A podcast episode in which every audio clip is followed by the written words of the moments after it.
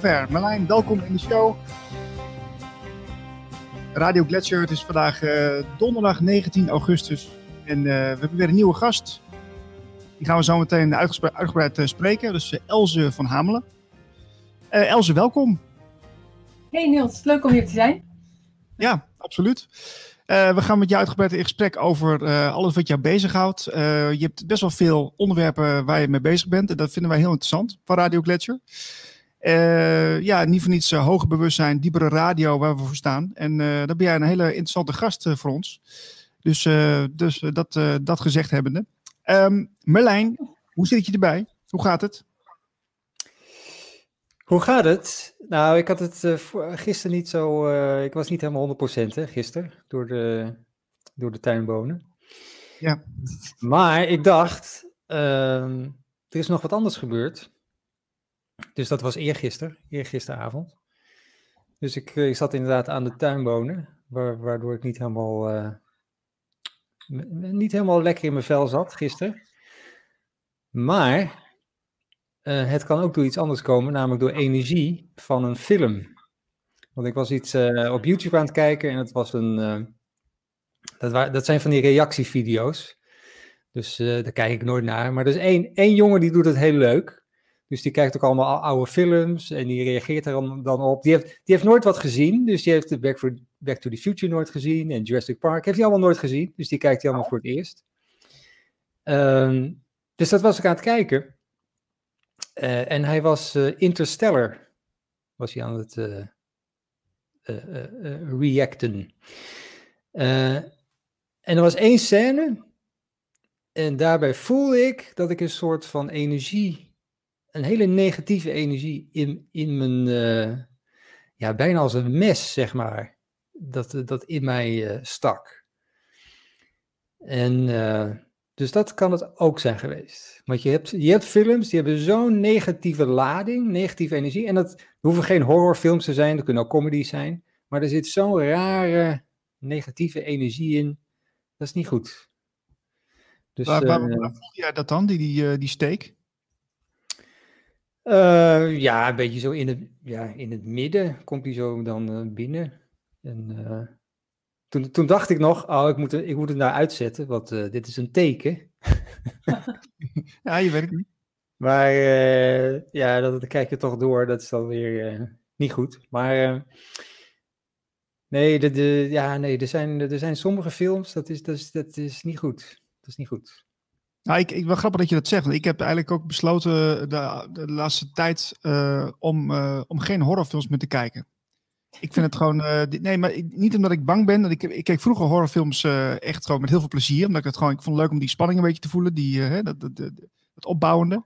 Maar ik heb nu zoiets van. Ik, ja, ik, ik, wil het gewoon niet meer. Ik, dat waar, waarom zou ik dat doen? Het, het, is, het is ook niet meer vermakelijk of zo. Dus waarom niet gewoon meer een film met een goed verhaal is? Veel leuker. Maar ja, goed, dat is een keuze. Maar ja, ik weet niet. Energetisch of zo denk ik van. laat het gewoon langs me, langs me heen gaan. De, die hele horror scene. ja. maar goed, uh, dat is wel een leuk begin. Maar ik, ik ben blij dat, je, dat het in ieder geval nu iets beter gaat. Tenminste, zo ziet het eruit. zo ziet het eruit. Nou, mooi. mooi. laten, we, laten we naar onze gast gaan, want die, die is ook gezellig aangeschoven. Else van Hamelen. Ja, Else, ik, als ik jou moet omschrijven, dan kom ik bij heel veel dingen uit. je schrijft voor gezond verstand. Uh, je bent bezig geweest met transities, volgens mij nu nog steeds wel.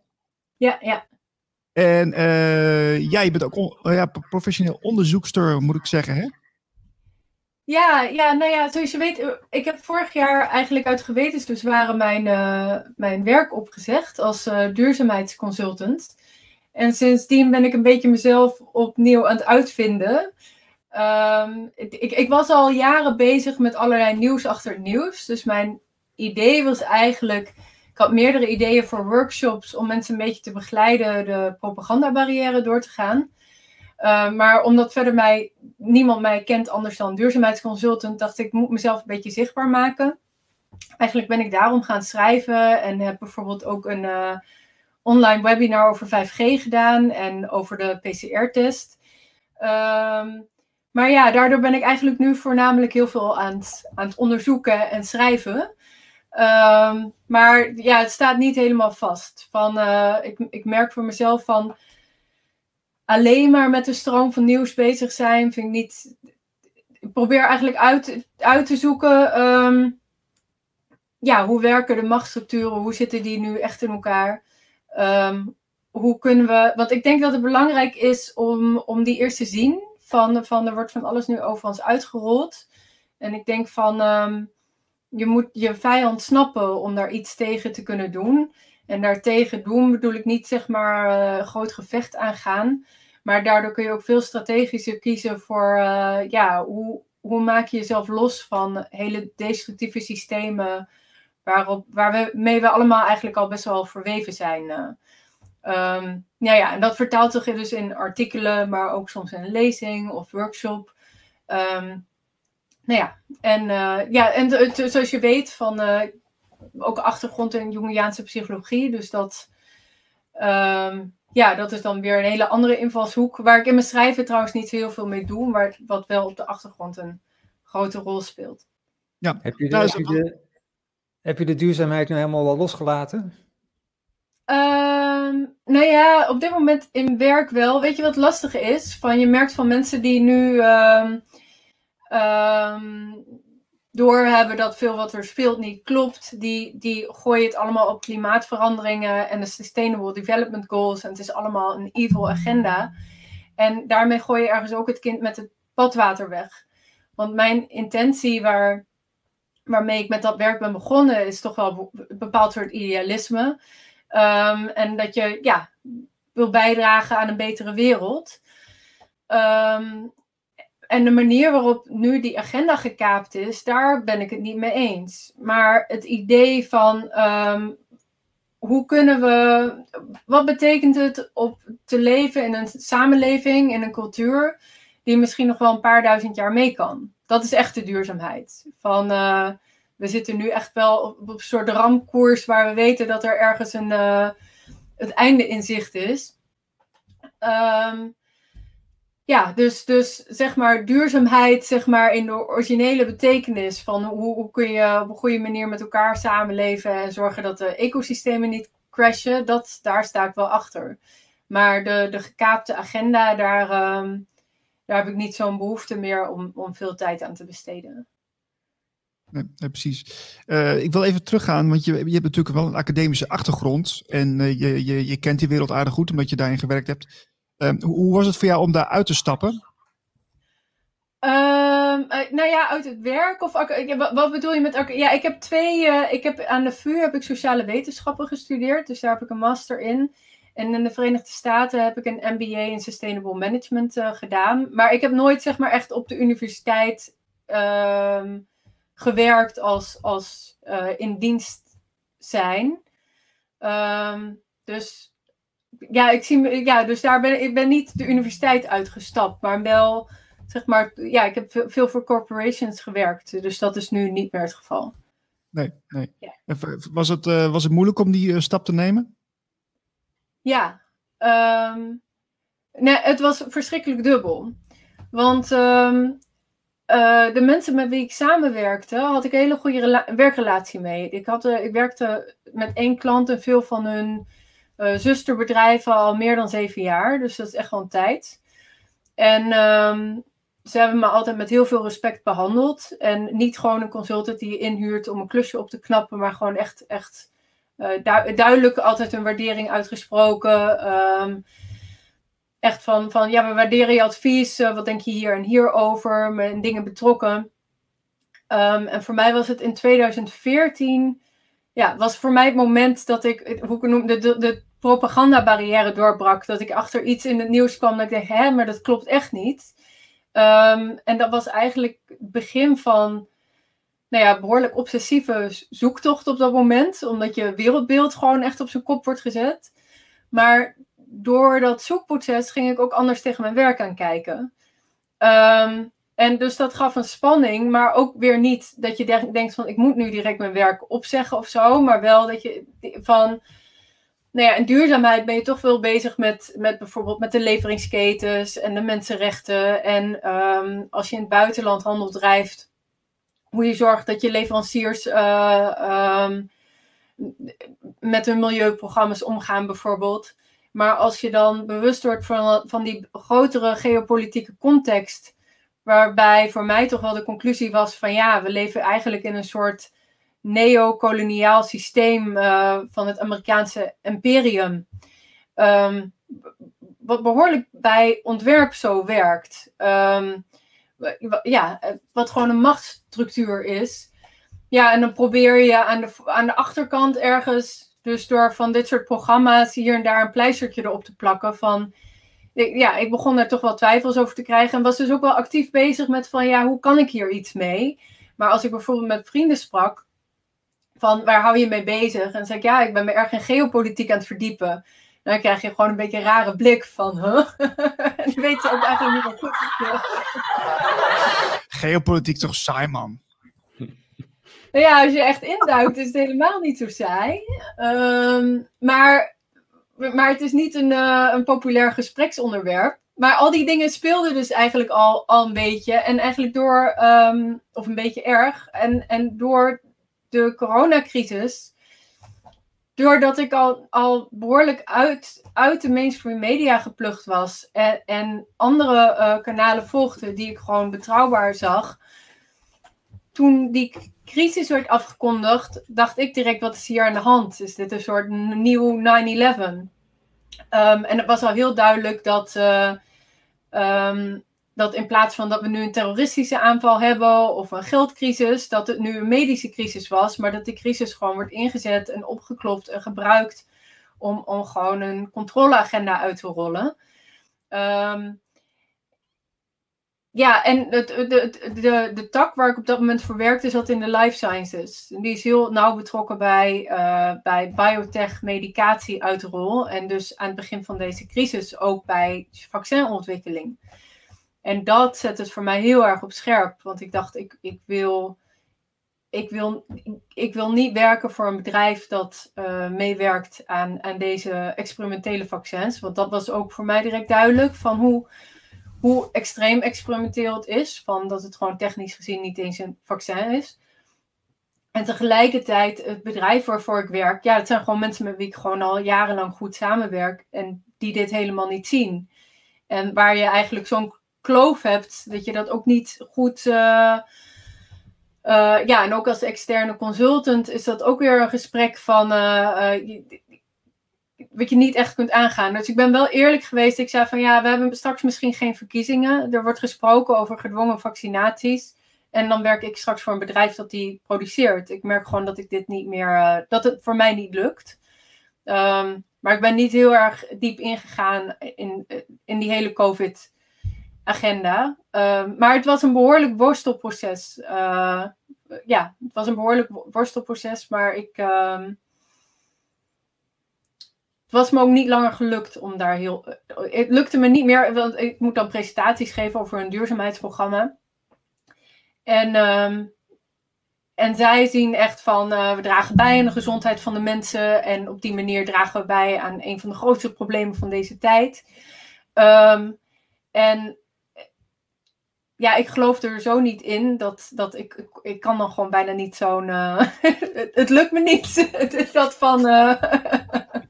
heb, je bij je, heb je bij je collega's gemerkt dat zij door de media zijn. Uh, ja, dat, dat ze heel erg nog vertrouwen op de mainstream media? Is, ja, is, zeker. is, dat, ja. is dat een reden ook? Dat, het, dat ze in die tunnel blijven? Ja, ja, het is gewoon echt een heel gesloten informatiesysteem. Dus ze geloven heel erg van dat er een heel gevaarlijk virus is. Uh, dat je daar het virus tegengaat door mondkapjes te dragen. En, en want ja, eh, binnen die uh, Environment Health and Safety programma's krijg je ook allerlei extra maatregelen om de mensen te beschermen. Um, nou ja, terwijl ik voor mij wel duidelijk was dat die maatregelen helemaal niet. Eigenlijk bijna alle maatregelen die ze hebben doorgevoerd, die brengen schade aan je gezondheid aan. Zowel isolatie als mondkapjes, als afstand. Um, maar ja, dat. Nee, je weet waarschijnlijk uit eigen ervaring ook wel hoe mensen daarop reageren. Van het gros van de mensen gelooft er toch behoorlijk. Uh, heilig in dat, dat, dat het belangrijk of ik weet niet eens of het het gros is, maar wel uh, het is het dominante gedachtegoed dat dat de manier is om daar iets uh, aan te doen. Maar ik kon dat niet meer verkopen als duurzaam. Terwijl zij zoiets hadden van ja, we nemen onze werknemers in bescherming. Um, dus dat als iets heel positiefs zagen. Dus ik zat daarin, ja, daarvoor kon ik het telkens me richten op de delen van duurzaamheid die belangrijk zijn. Bijvoorbeeld binnen chemie met gevaarlijk afval, of je dat kunt recyclen, of uh, bepaalde employee engagement van um, uh, zorgen dat uh, werknemers niet burnt out raken. Of op een ander niveau van, van, van echt het programma ontwerpen en kijken wat de speerpunten kunnen zijn, ook op het gebied van innovatie. Dat vond ik allemaal super tof om te doen. Maar door, ja, door corona um, was er grote, te grote padstelling uh, en ik denk dat dat gewoon de, ook de, de scheidslijn is tussen, tussen wat Karel van Woveren altijd de officiële werkelijkheid. en een soort reality check. Uh, uh, er is een officiële werkelijkheid en, en het is eigenlijk een soort fictie, maar, maar het wordt wel door al de mediakanalen is dat zo sterk opgebouwd. Um, dat veel mensen daar toch nog niet doorheen breken. Ja. Nee, precies. Maar het is, uh, voor, mij heeft corona ook wel uh, de tijd gegeven om over heel veel dingen na te denken. Ik denk dat dat voor heel veel mensen zo is. Dat, uh, dat, je, dat je thuis komt te zitten en dat, je, dat je denkt van ja, wil ik dit eigenlijk nog wel, het werk of de situatie waarin ik, ik zit, misschien met een relatie of iets anders. En um, ja, bij mij is het zo ook zo gegaan dat ik, dat ik in de coronatijd uh, ook heb na, heel veel tijd kreeg om na te denken. En, en, uiteindelijk voor gekozen heb om begin dit jaar iets, iets anders te gaan doen met mijn werk. En mm -hmm. uh, ja, dat is, dus, dus eigenlijk biedt het ook alweer kansen, gek genoeg. ondanks dat het natuurlijk een hele krankzinnige situatie is, helpt het ook wel weer mensen weer um, ja, nieuwe fases in te leiden, zeg maar. Ja, ik denk dat het zeker zo is. En dat het ook heel belangrijk is. Want ik weet niet hoe dat voor jou is, Marleen, trouwens. Uh, voor mij? Ja. Uh, ja. ik zie wel nieuwe... Nou, ik zie nu eigenlijk uh, de, laatste, de laatste paar maanden... zie ik dat die, al die energie vrijkomt. Ook, ook bij mezelf. Maar ook bij, bij platform. Mensen zijn allemaal platforms aan het opzetten. En alle innovatie en nieuwe creativiteit dat zit allemaal bij de alternatieve media. Ja, in. De, in, de, in de mainstream media gebeurt er helemaal niets nieuws, niks innovatiefs. Bang maken, uh, bang maken. ja. ja. Maar, maar ook, ook gewoon televisie. Je ziet helemaal niks nieuws. Uh, dat, dat staat een beetje stil. Ze wachten gewoon tot het, uh, het schip strandt. En nou, dan zien we het verder wel. Uh, dus dus alle, al het nieuwe zit bij, uh, uh, dare I say, de wappies. laat iemand zei tegen mij van, nee, weet je, wij zijn geen wappies, wij zijn snappies. Die vond ik wel leuk. ja, ja, ja. er zit wat in, er zit wat in. Um, ja, want wat ik ook even benieuwd naar was, Else, uh, toen je daar bezig was om, om, te denken van, ja, wat moet ik er nou mee? Uh, hoe ga ik nou verder met mijn leven? had je ook wel in die tijd, rond 2014, een beetje gelijkgestemde om je heen? Um, ja, nee, ja, ja steeds, nou, ik ging er heel bewuster naar toetrekken eigenlijk. Dus heel toevallig was ik met een moeder in de buurt um, in gesprek gegaan vlak voor dit allemaal gebeurde. Um, en die was ook toevallig al best wel achter nieuws uh, bezig. Dus daar, ik vind toch wel aansluiting bij mensen die ook doorhebben van... hé, hey, wat er nu gebeurt, dat, klopt dat wel? En, en, ja, dus twee moeders die ook andere krant rondbrengen in de wijk. En, um, en foldertjes uitdelen. En, nou ja, um, en ik zat in een uh, 5G-groepje. We probeerden dat onderwerp uh, te agenderen bij de, bij de gemeente. En dan was het eigenlijk ook Daarvoor hadden we altijd alleen maar over 5G gepraat. Maar toen dit gebeurde, bleek dat we allemaal echt best wel nattigheid al voelden, zeg maar. Maar dan heb je ook direct wel uh, um, ander soort aansluiting. En in, in familie en bestaande vriendengroepen was het eigenlijk heel wisselend. Van, um, ja, dat je toch wel merkt dat sommige mensen echt in een angststuip schieten. En en waar je soms al uh, tientallen jaren gewoon een open uitwisseling uh, hebt, dat opeens de deur gewoon helemaal dicht gaat. Um, Dus dat, ja, dus heel wisselend. Maar ja, ik had wel genoeg, ik had genoeg mensen met wie ik hierover kon praten. Ja, Ja, wel essentieel. maar die jaren daarvoor niet. Nee, nee, precies. precies. Nou, dat, dat is dus wel. Ja, ook, ja, het klinkt misschien wat heftig of zo, maar het is wel een soort van een soort van overlevingsmaatje of strategieën die je nodig hebt om, om, een, om er een beetje doorheen te komen. Want ik, ik bel af en toe eens mensen op, denk van nou, eh, hoe is het met jou dan? Eh, weet je wel, van eh, even, weer, even elkaar weer een beetje ja, een hart, hart onder de riem eh, geven. Want eh, Mhm. Ja. soms is het ook wel gewoon, het is, het is best wel een eenzaam, eh, eenzame weg, vind ik hoor. Ehm, ja, nee. Ja, ik merk het eigenlijk sinds ik me ben gaan uitspreken. Ja, want dat was trouwens ook een reden waarom ik dat werk opzij. Want daarvoor had ik een, eh, dus onder een valse naam, zo'n zo'n Twitter-account of zo. En, ehm, maar ik wilde, me, ik wilde me graag uitspreken. Maar door het werk wat ik deed, van ja, je bent toch eh consultant met allerlei externe klanten, was ik me heel bewust van welke informatie ik wel of niet naar buiten bracht. En, en met alles wat ik zei wilde ik me open kunnen uitspreken. En dat kon gewoon niet eh, terwijl ik mijn werk bleef doen.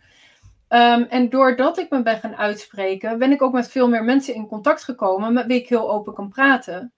Ehm, dus, het, dus het heeft me ook wel, ja, het heeft me ook wel heel veel gegeven van ehm, ja, ik, ja, contact met gelijkgestemden. Of, en ja, het geeft toch ook wel een soort binding van als je opeens met allemaal mensen in gesprek bent die, die hetzelfde ziet als, als wat jij ziet. Bijvoorbeeld, ik ben een van de weinigen, of als ik naar Albert Heijn ga in mijn buurt, toen die mondkapjes nog verplicht waren, dan ben ik altijd de enige. Ehm, maar met de, de groep mensen met wie ik omga, zijn zij ook allemaal de enige. Ja, dat geeft toch wel. Ehm, ja, of bijvoorbeeld bij sommige vriendschappen, als die ontstaan, van je, gaat, je spreekt af en toe af en alles is gewoon van dat ontwikkelt zich heel langzaam. Maar opeens is hier best wel een soort crisissituatie.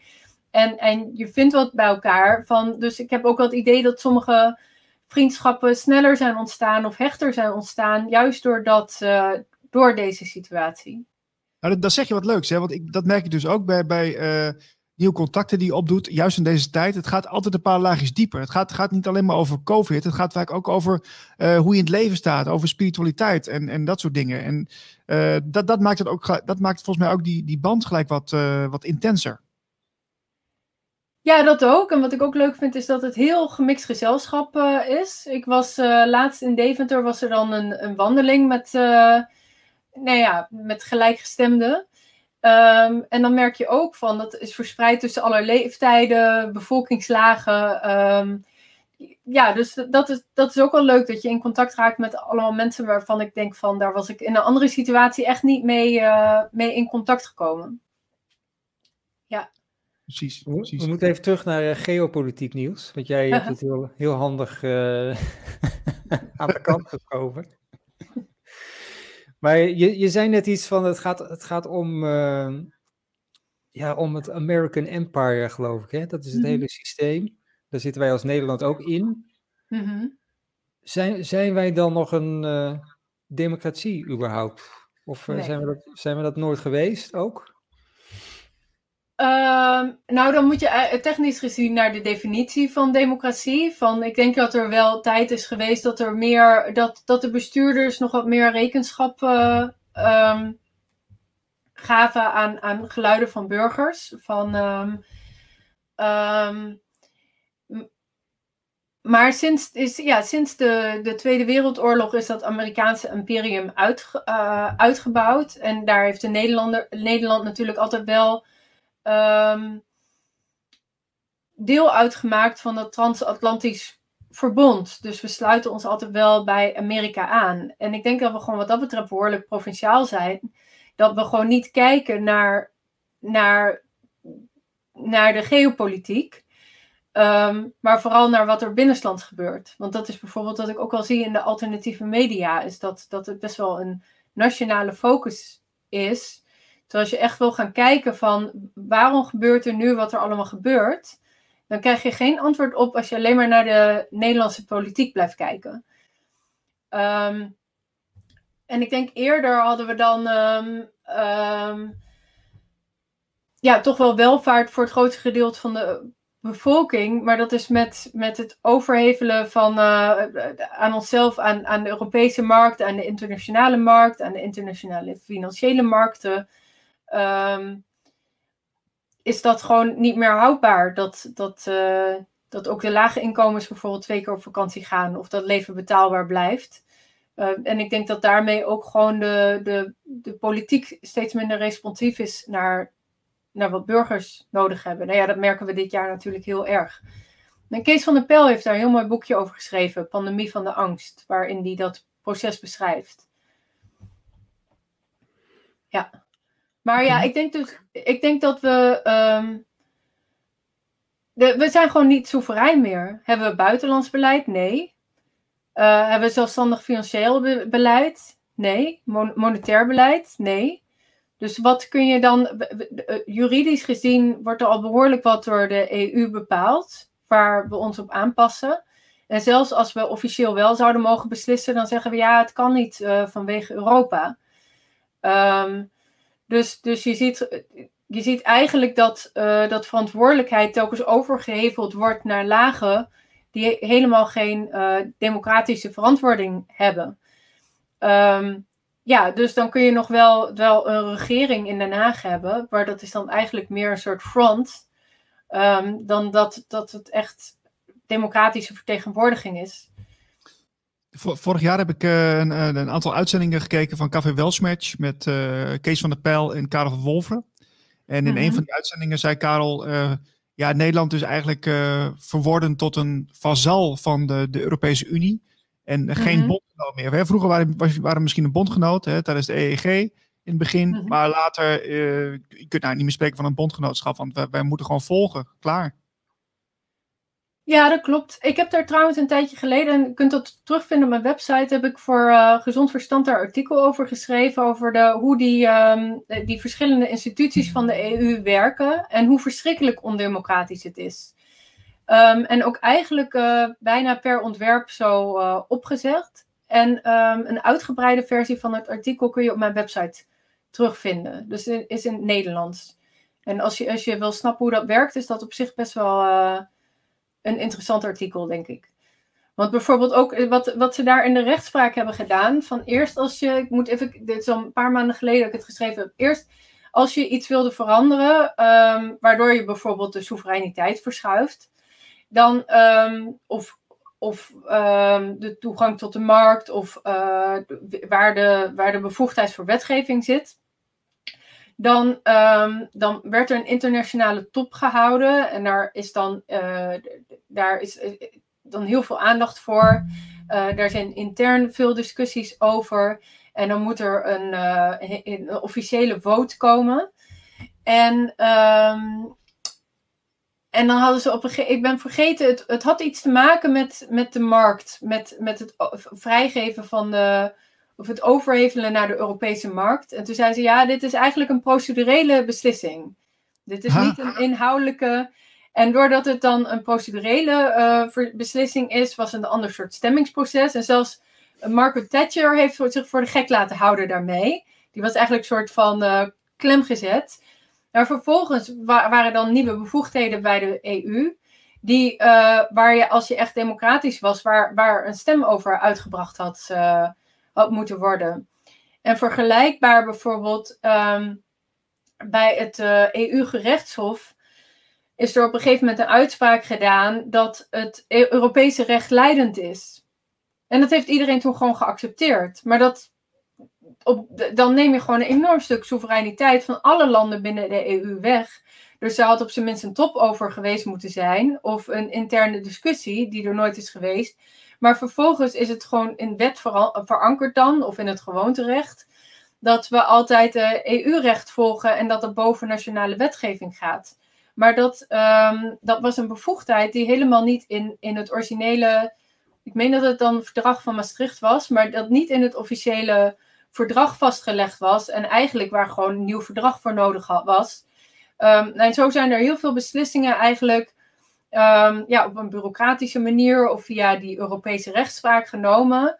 Um, en iedereen is daar gewoon in mee blijven gaan. Ja, en nu heb je dus een soort gedrocht Want, want heb je Europese burgers? Nee. Dat Europees parlement vertegenwoordigen die burgers? Nee. Hebben zij, want dat is heel belangrijk, normaal gesproken, een parlement heeft initiatiefrecht, heeft, heeft recht van controle. Het Europese parlement mag geen initiatief voor wetten uh, geven. En als ze op wetten stemmen, mogen ze meestal alleen maar ja of nee stemmen. Dus je krijgt dan een soort onderhandeling van, uh, uh, nou ja, als we dat dan ook meenemen, dan geven we daar wel ja of nee op. Um, maar ja, ze zijn er eigenlijk alleen maar om een stempel te geven op besluiten die toch al genomen zijn, om het een beetje oneerbiedig uh, te zeggen. Um, hoe denk je dat ja, dit dan... verder gaat? Hoe, hm? dit, hoe, dit, hoe, denk je dat dit verder gaat in de toekomst? Want dit, uh, dit is een soort proces, dit is een soort momentum. Dus. Uh... Ik denk dat we echt op een kruispunt staan. Want dit gaat niet alleen over de EU, maar dit gaat over. Wat er nu wordt doorgevoerd, is gewoon puur totalitair. Van, uh, daarom in mijn nieuwsbrief uh, deel ik ook veel informatie over surveillance. Om, om kwartjes te laten vallen van hoe verschrikkelijk ver dat al gaat. Van, um, um, en de EU speelt daar een rol uh, in. Maar natuurlijk, uh, alle landen hebben afgesproken dat ze WHO-beleid volgen. Hoezo? Want de WHO, is ook een totaal niet-democratische instelling. Um, dus we, we hebben eigenlijk um, bevoegdheden tot het uitrollen van essentieel beleid. Is uh, verankerd in allerlei instituties die niks met democratie te maken hebben. En op het moment dat je er iets wil tegen doen, dan, um, dan kun je eigenlijk niks, omdat het geen democratische institutie is, omdat het al grotendeels is uitgerold.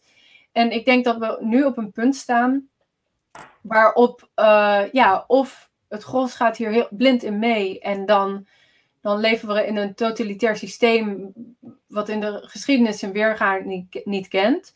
Of genoeg mensen zijn wakker over wat er gebeurt. Of het is gewoon te onnatuurlijk wat er wordt uitgerold. Kijk maar wat er nu in Australië gebeurt. En genoeg mensen zeggen, ja, tot hier niet verder. Dit is niet, uh, hier heb ik niet voor gestemd. Hier wil ik niet in leven. Um, maar het zal ergens vanuit de mensen moeten komen dat ze, dat ze zien wat er gebeurt. En dat ze ook uh, bewuste keuze maken om er niet meer mee te werken en eruit te stappen. En om daar een bruggetje te maken, Niels, Niels over, over wat jij eerder zei, van het, het stoppen met je, je werk. Want ik weet ook dat je een passie hebt voor radio. En ook van het uitvinden en onderzoeken.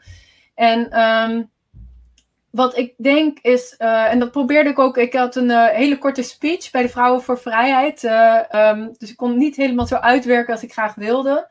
Maar wat ik daar probeerde te zeggen was, want hun thema was van in vuur en vlam. En toen in vuur en vlam denk ik, dan denk ik aan je talent, van waar heb je passie voor? Ja. Um, en ik denk dat heel veel mensen op dit moment, op dit moment misschien beginnen sommigen toch wel te twijfelen, maar heel lang dachten ze nog van, hé, hey, we gaan terug naar het oude normaal.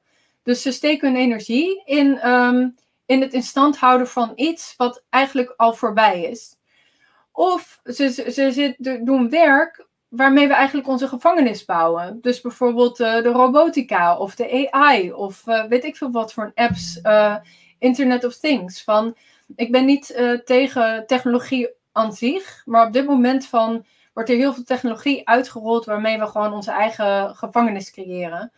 Dus wat ik, de vraag die ik daar stelde, um, was van oké, waar steek je op dit moment je tijd, je energie, je geld in? Maar nog het belangrijkste eigenlijk je talent. Van, van zit je nu op een plek waar je je talent kunt, uh, kunt uiten, überhaupt? En als je dat doet, ben je dat aan het inzetten voor het instand houden van iets ouds of aan het bouwen van een gevangenis? Of op welke manier kun je je talent, want ik geloof dat als je, als je echt met, met je met datgene bezig bent waar je gewoon super. Je wordt er zelf blij van. Je maakt er anderen blij mee. Van het is gewoon iets wat je voelt. Van als je daarmee bezig bent, dan geeft dat energie. Van dan begint het te stromen. Ja. Um, en ja, op welke manier kun je dat inzetten voor het bouwen aan een wereld waar we gewoon echt in willen leven? En ik denk dat dat echt de keuze is waar we nu voor staan. Want als we gewoon een beetje slaapwandelend doorgaan, dan. Um, um, ja, die, ja, die gevangenis wordt om ons heen gebouwd. Dat is best wel tastbaar en concreet. En ik denk toch wel dat het heel belangrijk is om dat, om dat te zien. En niet om in het duizend, zeg maar, de, met, met, de, niet om angst aan te jagen, niet om met allemaal donkere dingen bezig te zijn, maar je moet ook zien wat de realiteit is. En als je die niet uh, onderkent, dan kom je ook voor hele nare verrassingen te staan. Um, ja, ja, door de realiteit te onderkennen kun je er wat aan doen. ja, nee, precies. Nee, dat is mooi dat je het zegt, hè, want ja, uiteindelijk komt het toch wel weer neer op, het, uh, op die uitspraak van Gandhi. En er zijn zoveel uitspraken, ik weet het. Maar uh, wees gewoon de verandering die je wilt zien in de wereld. En uh, op een gegeven moment dacht ik van ja, ik, ik, ik, wil gewoon een, naar een mooiere, eerlijke, liefdevolle samenleving toe. En hm. hoe kan ik daar op mijn manier, met mijn talenten, daar een, een bijdrage aan leveren? Nou ja, door, door informatie te delen, door het gesprek aan te gaan, door een platform op te starten waar, waar mensen dat, die informatie kunnen krijgen.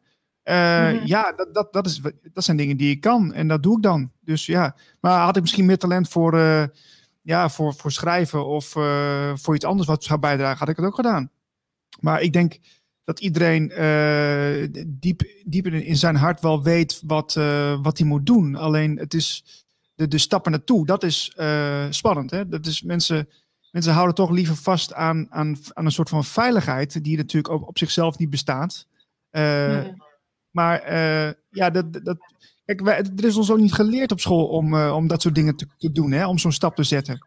Er, is ons altijd geleerd om, ja, er, is ons geleerd om altijd te gehoorzamen aan, aan een externe autoriteit. En, en, ja, en, en, en netjes te zijn en braaf en, en, en, en zoals de kudde het, het wil.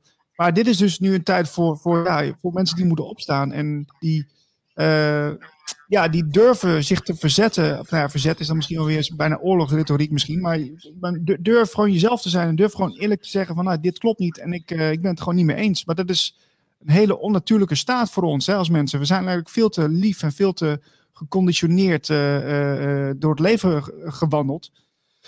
En je ziet nu de mensen die durven, die, die staan op. Ja, en ik, ja, ik hoop ook dat meer mensen gaan, gaan opstaan. Want, want ik denk van de, ja, ik, ik sprak iemand die in Zutphen bezig is. Daar zijn ze best wel ver eigenlijk al met het, uh, met het vormgeven van de parallele samenleving. Maar je hebt een, um, een groep voor, uh, voor eigen voedselvoorziening. Dus, dus ben je handig daarmee, dan kun je daar je talenten in kwijt. Um, er is een groep die met soevereiniteit bezig is. Van, nou ja, dan is als iemand een advocaat is, dan uh, is dat heel handig van als je gewoon de juridische context ke kent.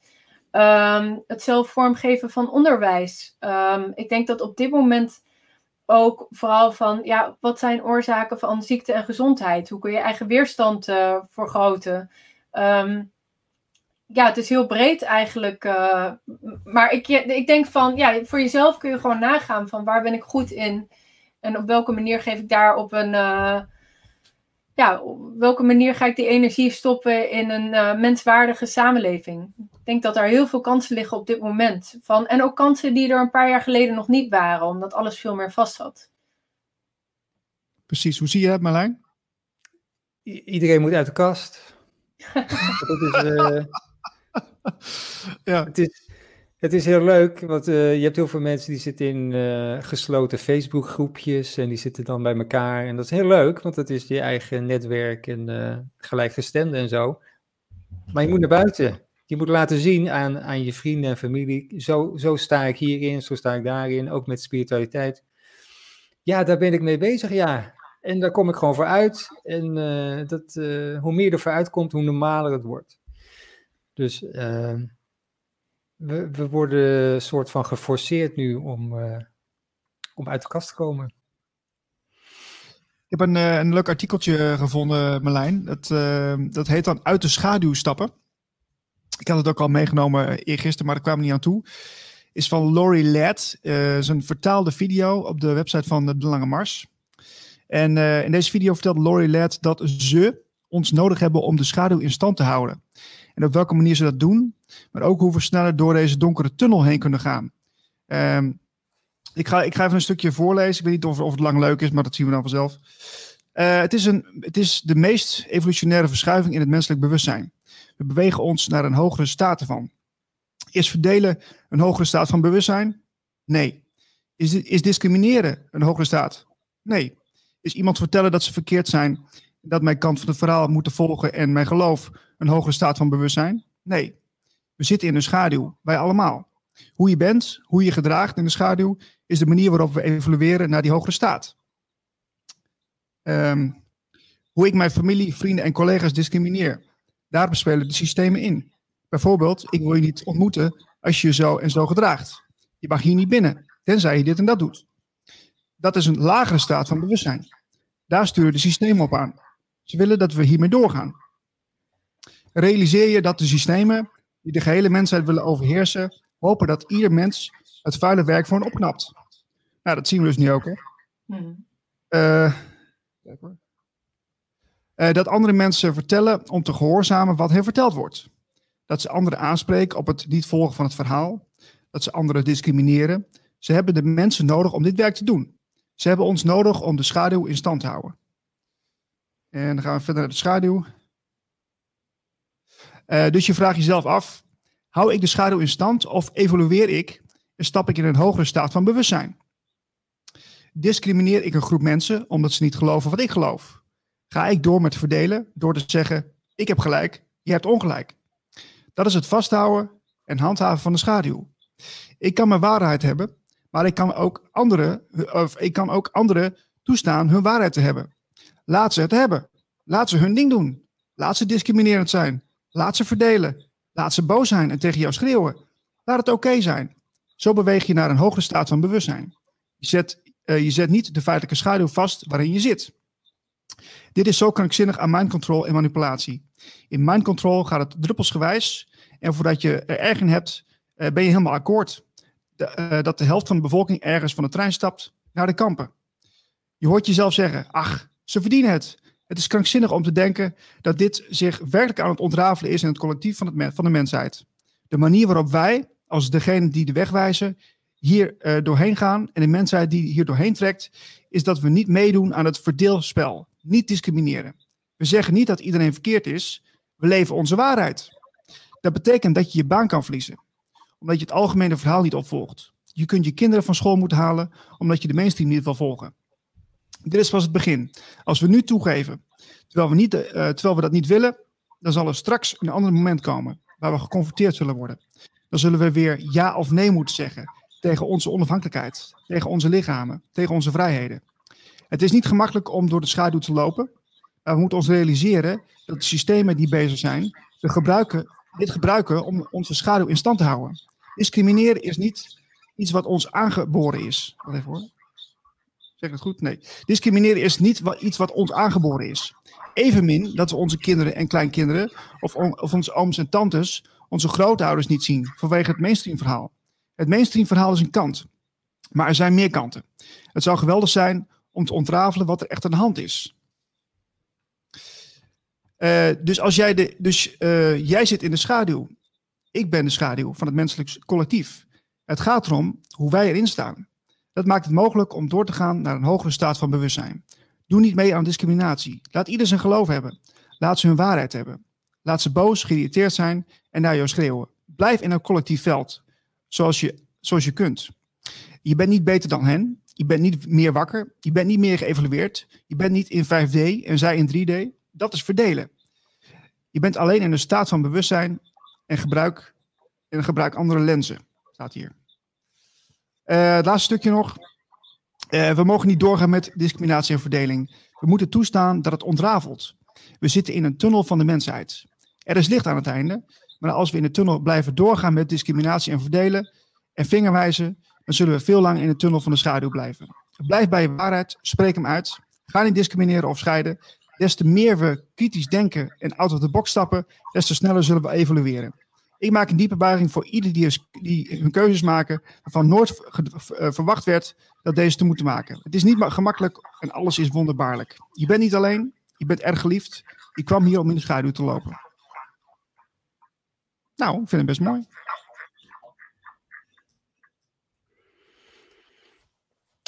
Ja, ja. Ja, in de schaduw. Wat ook wel grappig is, Lori Ladd. Ik hoor ergens een echo. Ja, zeg maar, ik, ik hoor geen echo hoor. Nu niet. Nu hoor ja, ik hoor hem wel. Ehm, ik doe even mijn geluid wat, wat zachter. Misschien helpt dat. Lorilet zegt ook van... ehm, eh, je hebt heel veel van die spirituele leraren, teachers en zo, die hebben het de hele tijd maar over raise your vibration, raise your vibration. En zij zegt, ah, dat is allemaal onzin, want eh, het enige wat je moet doen is inderdaad wat, ze, wat zij ook hier zegt, in de, in de schaduw lopen, in je eigen schaduw en daar het licht op schijnen wat er allemaal in jou zit. Dat eh, soort van omhelzen, liefdevol omhelzen. En dan gaat die vibratie vanzelf omhoog. Dus dat is allemaal, dat, dat moet geen doel zijn op zich. Dat is een soort effect. Dus, ehm, nou ja. Lori? Ik ken haar niet, maar ik, ik vind het op zich wel, eh, wel een mooie tekst. Maar ehm, ja, dat is best wel een uitdaging natuurlijk. Hè? Want je, je, je, je wordt altijd heel snel verleid om toch weer ergens een oordeel over te geven. Ik, ik was afgelopen weekend ook weer bij een, eh, bij zo'n feestje. En dan, eh, dan hoor je mensen om je heen en die roepen dan allemaal dingen waar je van denkt van... Ja, hoe is het mogelijk dat ze dat roepen? maar eh, dan, en dan... Dat, ja, je probeert altijd een beetje te schouwen vanaf, vanaf een soort helikopterview. Van nou ja, maar soms dan is het ook zo van, ja, dan, dan moet je er af en toe maar wat van zeggen. Want je, je kunt niet altijd eh, in die neutraliteit blijven, vind ik. Hoe, hoe zie je dat, eh eh, Else? Nou, ik denk dat het heel belangrijk is om niet in de neutraliteit eh, te blijven. Ehm, in mijn, oh ja, met mijn nieuwe nieuwsbrief, eh, toevallig heb ik een, ehm, een interview gedeeld met Ron Purser. Die heeft een boekje geschreven over, ehm, even kijken, over mindfulness. Maar de, de McDonaldization of mindfulness. En hij is zelf eh, in het boeddhisme, ja, hoe noem je dat? Van hij, hij heeft er een bepaalde graad in of ge- ge- geaccepteerd. Ehm, en hij zei van eh, het, boeddhistische pad heeft heel veel kanten. Ehm, en daar mindfulness is daar één van. Maar op het moment dat je alleen die mindfulness eruit pakt. eh, en het wordt heel veel in corporate settings toegepast. En zelfs in het Amerikaanse leger. Dan kom je in een soort passiviteit. Van je moet alles maar accepteren. En dan eh, kijk je niet meer naar de verbinding met je omgeving. En dat je denkt van, hm, is dit wel de omgeving waarin we, moeten werken? Moeten we wel op deze manier samenleven? Ehm, maar trek je eigenlijk weg dan uit het contact van anderen. En zet je in een positie waarin als je dus je boos begint te voelen, wat misschien wel een oprechte woede is van, of irritatie. Je, hebt, krijgt dan een techniek waarmee je dat allemaal leert weg te poetsen en maar de hele tijd accepteren. Dus ik denk dat, dat ehm, een kunstmatige neutraliteit zelfs heel gevaarlijk is. Van, ehm, eh, en, en dus als je, ehm, als je bijvoorbeeld heel boos bent en je blijft er echt in hangen, dan kun je wel bij jezelf nagaan van, is dit wel zo gezond? Op wel- wel- welke manier kan ik hier ander, anders mee omgaan? Maar je boosheid of je verontwaardiging over wat er nu bijvoorbeeld gebeurt, geeft mij ook de energie om heel veel te lezen en om te schrijven en om met anderen in contact te treden. Dus, dus ik denk dat, dat veel emoties. Ja, ik heb een beetje weerstand tegen ze indelen in van dat is een hogere trilling, dat is een lagere trilling. Of, je krijgt je, er zit ook een oordeel in, hè? Van, ehm, of zelfs al hoger bewustzijn van, oh, dan heb ik hoger bewustzijn dan al die onbewuste mensen. Van, dus meer van, van, je probeert inderdaad je licht te schijnen op je eigen stuk. En ik denk heel erg je eigen proces aangaan. En dat op een constructieve manier te, te kanaliseren. Ehm, maar neutraalheid, op het moment dat je geconfronteerd wordt met een heel groot onrecht, ehm, maakt je deelgenoot van, van dat onrecht. Van het, eh, ehm, daar, ik heb een lijstje met uitspraken van Holocaust-overlevers. En daar komt het de hele tijd in terug. Van het zijn niet alleen die mensen die de misdaden plegen. Maar je had veel meer mensen die er allemaal naast stonden en toekeken, die maar neutraal bleven. Uh, dus op het moment dat je ziet dat er echt grote misdaden gepleegd uh, worden, dan heb je ook een morele verantwoordelijkheid om niet neutraal te zijn.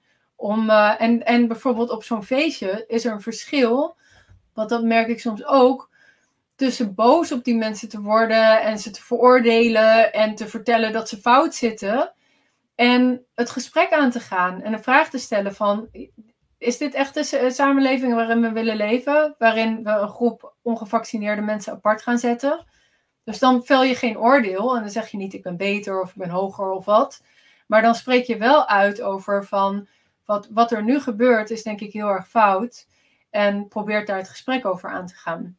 En op die manier kun je denk ik uh, niet neutraal zijn zonder veroordelend te zijn. Ja. Ja, nee, dat denk ik ook. Dat, uh, dat, is, zeker waar. Ik merk dat ik af en toe nog, ja, ik vind het al wel lastig. Ik, uh, ik heb natuurlijk best wel lange tijd al die podcast gemaakt uh, vorig jaar en ook wel veel mensen geprobeerd om, om nog wat, wat te informeren. zo zijde links, maar mm -hmm. ik, ik, ik merk dat ik, dat, ik, dat ik heel vaak ook doorschiet in boosheid. En dat ik dat, daarom het gesprek ook gewoon niet meer, niet meer aanga. Ja, ja. Dat, dat, kun je zeggen van ja, wat slap en wat, dat, je, dat je dat niet kunt. Ik ken mensen in mijn omgeving die kunnen heel goed andere mensen vertellen hoe het zit. Uh, ik ben na, na, drie zinnen, dan, dan zie ik dat iemand anders uh, denkt dat ik uh, van een andere planeet kom. En dan denk ik van, flikker maar op. Maar al, soms heeft het geen zin om een gesprek aan te gaan. Sommige mensen zitten heel erg vast in. Um, kijk, ik, op het moment dat je. Op het moment dat je ja, hier ben ik trouwens ook een workshop aan het, aan, het, aan het ontwikkelen van hoe je in gesprek blijft. Van wat je een beetje inschat waar iemand staan, staat. Want uh, soms ben je gesprek aan het voeren. En uh, wat diegene gelooft, dat zit helemaal vast in diegene's wereldbeeld. En het vertrouwen en het basisvertrouwen van, in, in, van hen zit vast in de externe autoriteit. In wat Rutte op dinsdag vertelt of het RIVM. En op het moment dat jij met logische argumenten en feiten aankomt, dan je, zij zitten helemaal niet in hun frontale denkproces. Zij zitten in een veel primitiever deel van hun hersenen, zeg maar, in, in hun basisveiligheid. Uh, en op het moment dat je daar dus dingen gaat zeggen die dat in twijfel trekt, dan, dan zitten ze in een angststuip. Dus, dus je hebt dan niet een gesprek, zeg maar, over waar je argumenten kunt uitwisselen. Je hebt een gesprek waar jij aan het zeggen bent, je valt eigenlijk hun, hun wereldbeeld aan. En, um, en daarmee tast je bijna een bestaan aan. Dus, mm -hmm. dus op het moment dat, je, dat ik merk dat, dat je op dat niveau zit en die deur is dicht, dan ga ik ook niet meer van.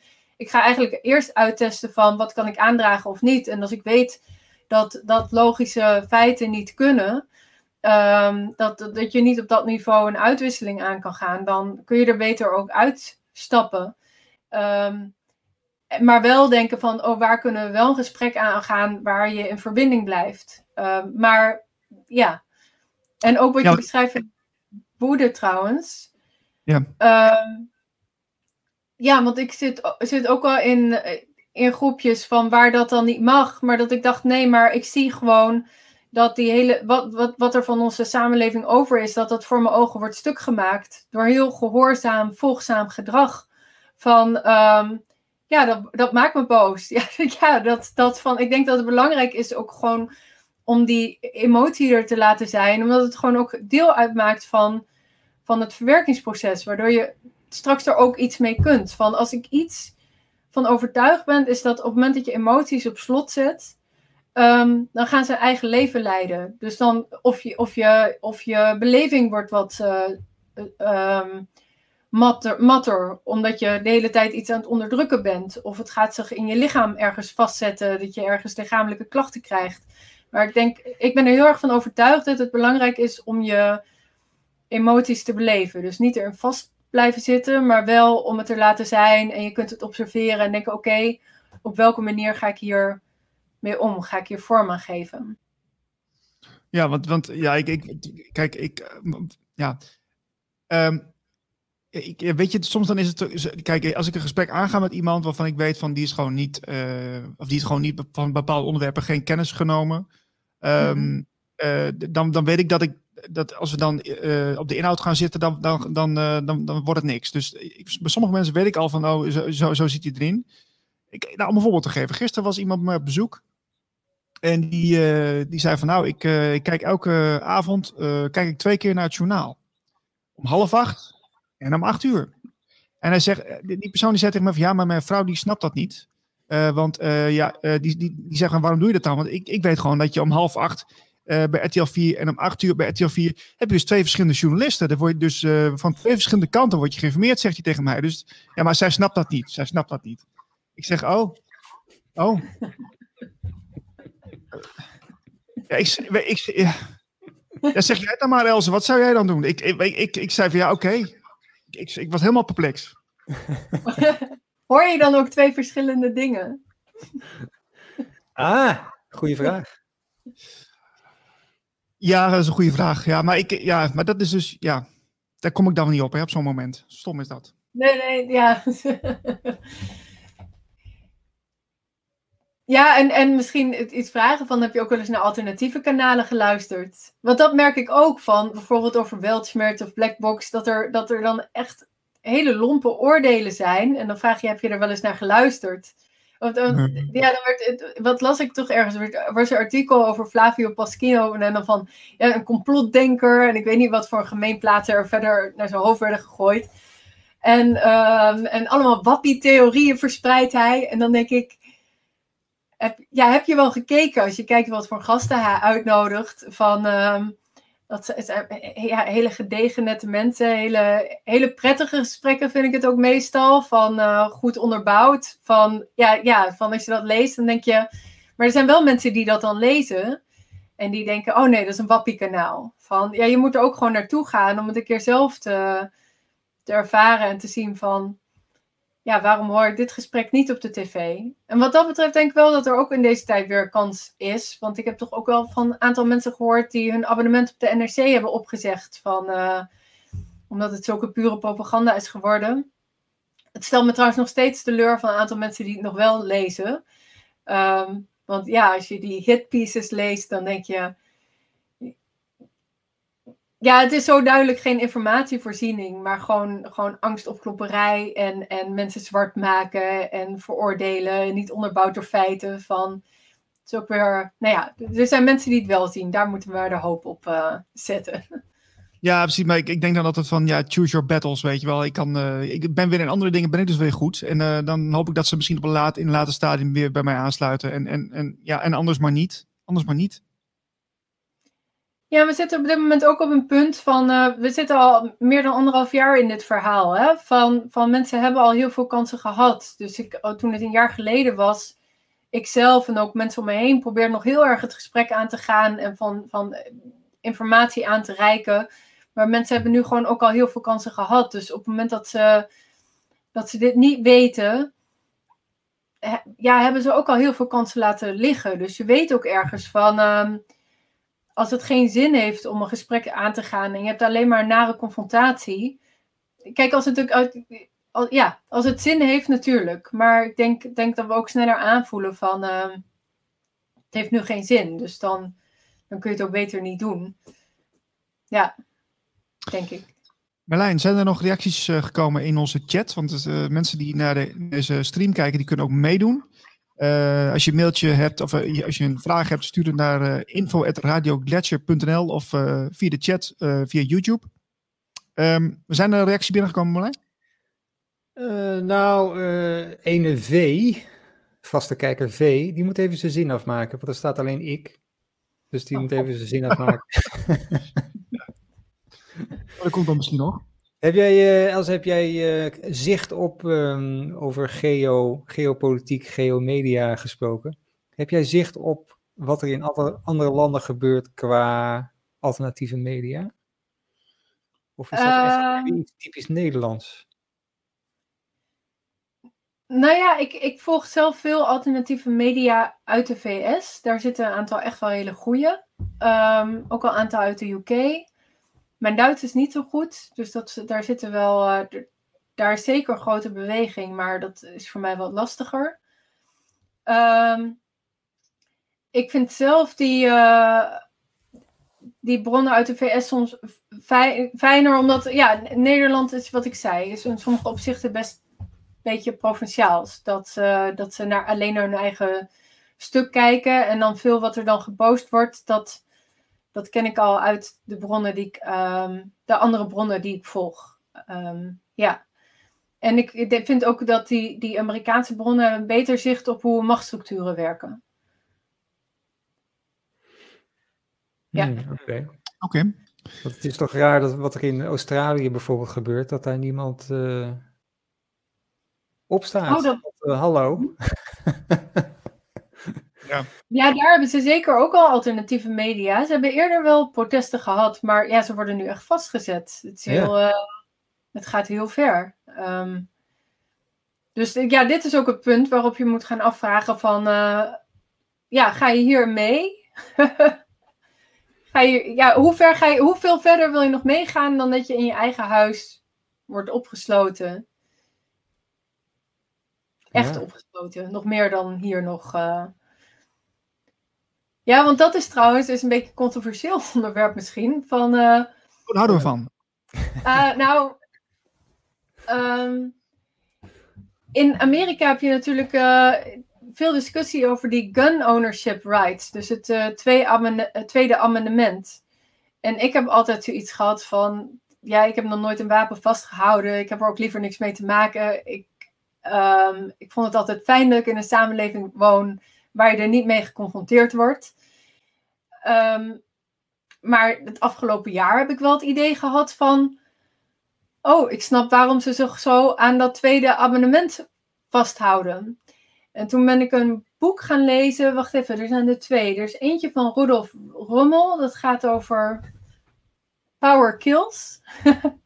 Ehm, en een andere over ja, zo'n tweede amendementvoorvechter. En hij gaf een hele lijst opsommingen van um, onder Hitler, volgens mij klopt ja. Um, Duitsers mochten eerst gewoon. Um, hadden dus gun ownership en dat is afgeschaft. Maar als dat niet was afgeschaft, dan waren al die Joden helemaal niet zo mak op die treinen gestapt. En ik zag ook op, op Twitter iets langskomen van dat ze zeiden: ja, als ze daar gun ownership nog hadden, hadden die mensen zich wel allemaal zo laten opsluiten in hun, ja. in hun huis. En ook in de VS heb je nu de Democraten die proberen heel erg die gun ownership weer uh, terug te draaien. Maar de reden waarom daar in sommige staten niet zo heftig is opgetreden, um, is omdat die, al die Amerikanen zijn gewoon gigantisch zwaar bewapend. Ja, dus, um, dus ik vind dat een lastige, want ik ben zelf in principe van. Um, nou ja, niet helemaal. Ja, in principe in principe geweldloos. Maar uiteindelijk denk ik wel dat er een soort natuurrecht geldt waar je jezelf mag verdedigen. Van op het moment dat er politie voor je deur staat en je gedwongen wil laten injecteren. Um, ja, dan gaat er wel ander recht gelden natuurlijk. Um, en, en ja, dus uh, en, en dat was uh, Rudolf Rummel. Die heeft, dat wel, hij is een um, statisticus. En hij deed als student al onderzoek. Hij was geïnteresseerd in waarom, hoe, waar komen oorlogen nou eigenlijk vandaan? En uh, wat is de oorzaak daarvan? En als ik erachter kan komen wat de oorzaak is, wat kun je dan tegen doen? Dat er minder oorlogen zijn. En waar kwam hij in de loop van zijn onderzoek achter? Was dat de meeste mensen niet doodgaan door oorlogen. Maar de meeste mensen in de 20e eeuw zijn um, overleden door wat hij democide noemt. Dat is de staat die destructief wordt ten opzichte van haar burgers. En in de, um, in de 20e eeuw zijn er meer mensen overleden door dus democide dan alle oorlogen, e-, Tweede Wereldoorlog, Eerste Wereldoorlog, alles erbij, samen. Dat is in totaal was het 262 miljoen mensen vermoord door overheden. Um, en wat hij zag als oorzaak, of, en ook gewoon statistisch weer, is dat naarmate dat uh, een staat uh, meer eerst um, dictatoriaal en daarna to totalitair wordt, wordt de kans dat een staat destructief wordt richting burgers groter. Dus hij ziet uh, democratie als een basis ook voor vrijheid. Dus daarom zegt hij power kills. En democratie is een voorwaarde van de, de vrijheid die democratie geeft zorgt ervoor dat een staat niet heel, uh, heel destructief wordt. Want wat heb je in een democratie? Heb je altijd verschillende groepen, verschillende meningen. Is er ruimte voor dat debat? En daarom is ook gewoon een vrije persvrijheid en vrijheid van meningsuiting de basis van democratie. Want op het moment dat je allerlei meningen gaat uitsluiten, um, um, dan heb je ook niet het debat wat je nodig hebt om tot democratische overeenstemming te komen. Maar omdat je in een echte democratie waar mensen echt vrij zijn, dus ook allerlei meningen hebt, dan de, de extremen gaan elkaar een beetje uitcancelen. Uh, en je krijgt daardoor een soort compromis. Op het moment dat dus, dus steeds meer meningen worden buitengesloten en er is maar één mogelijk, dan moet je ook al die andere meningen moet je heel actief gaan onderdrukken, want die zijn het er niet mee eens. En hoe meer de staat gaat vaststellen dat er maar één ding mogelijk is, hoe meer er uh, aan ja, de keerzijde ervan is dat de rest allemaal onderdrukt moet worden. En statistisch gezien hangt dat gewoon samen met dat de staat dan weer geneigd is ook uh, ja, moordlustig richting uh, burgers op te treden. Ja, kijk, volgens mij was het Plato die zei ook al van dat hij, hij gelooft eigenlijk helemaal niet dat democratie zou werken. Hij zei ook van, ja, bij democratie ga je ervan uit dat, um, dat de, de meerderheid van de bevolking uh, uh, weet wat goed is. Hè? Wat, dat deed dat je de juiste keuzes maakt voor iedereen. Als we nou kijken naar de situatie van nu, dan zien we dus dat de, dat de, de, de meerderheid van de bevolking geen benul heeft. Ze hebben geen benul wat, wat er aan de hand is. Dus dan is het, dan is het hartstikke gevaarlijk in, in zo'n situatie om daar maar weer op te blijven vertrouwen. En je ziet dus nu dat extreme, links-rechts, eh, zoals, zoals het vroeger werd genoemd, extreme, die worden nu uh, uh, gebagatelliseerd. En, of die worden, worden niet serieus genomen, laat ik het zo zeggen. En de meerderheid, die massa, ja, uh, die wordt eigenlijk extreem in plaats van uh, die twee uitersten. Dat is dus eigenlijk omgekeerd. Dat is toch eigenlijk wel een grappige dynamiek. Hele bizarre dynamiek. Maar kijk, het speelt natuurlijk. Ik dacht dat ook tijdens de verkiezingen. Ik dacht ja, op het moment dat, um, dat een merendeel van die bevolking helemaal gehersenspoeld is door alle propaganda. Dan heeft die stem ook helemaal geen zin. Um, je hebt eerst die persvrijheid en een vrij en open debat nodig voor een geïnformeerde keuze. En, en met wat nu voor pers doorgaat, heb je dat helemaal niet. En ik hoorde ook ergens iemand die zei van ja, wat voor een systeem hebben we in Amerika? Hij zei, meestal krijg je dan het antwoord, we hebben een democratie. Hij zei, nee, we hebben geen democratie, we hebben een constitutionele uh, republiek. Of ja, nee, republiek, hoe hè? Nou ja, federale staat. Um, maar zijn punt was, van in de constitutie zijn je grondrechten verankerd. En die zijn niet onderhandelbaar. Dat zijn gewoon jouw grondrechten, dat zijn je rechten. Dus iedereen heeft gelijke rechten. En zolang je uh, aan die rechten en plichten houdt, um, ben je verder vrij om, op, om je als individu verder te bewegen in je leven of in de samenleving zoals je wil. En, en um, dus zelfs in, in een uh, constitutionele democratie denk ik nog steeds van de basis moet gewoon zijn die grondrechten, de, de constitutie. Nou ja, in Nederland is daar sowieso, er mag niet eens aan de constitutie getoetst worden. Er zijn allemaal uh, voetangels waardoor die niet echt hoeft te worden doorgevoerd.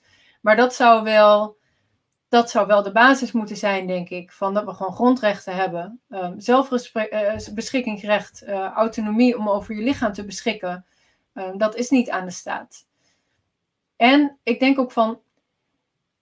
Want Plato had het natuurlijk ook over een verlichte leider. Maar wat je gewoon in de praktijk ziet, is dat je iemand met een enorm machtscomplex uh, naar boven ziet drijven.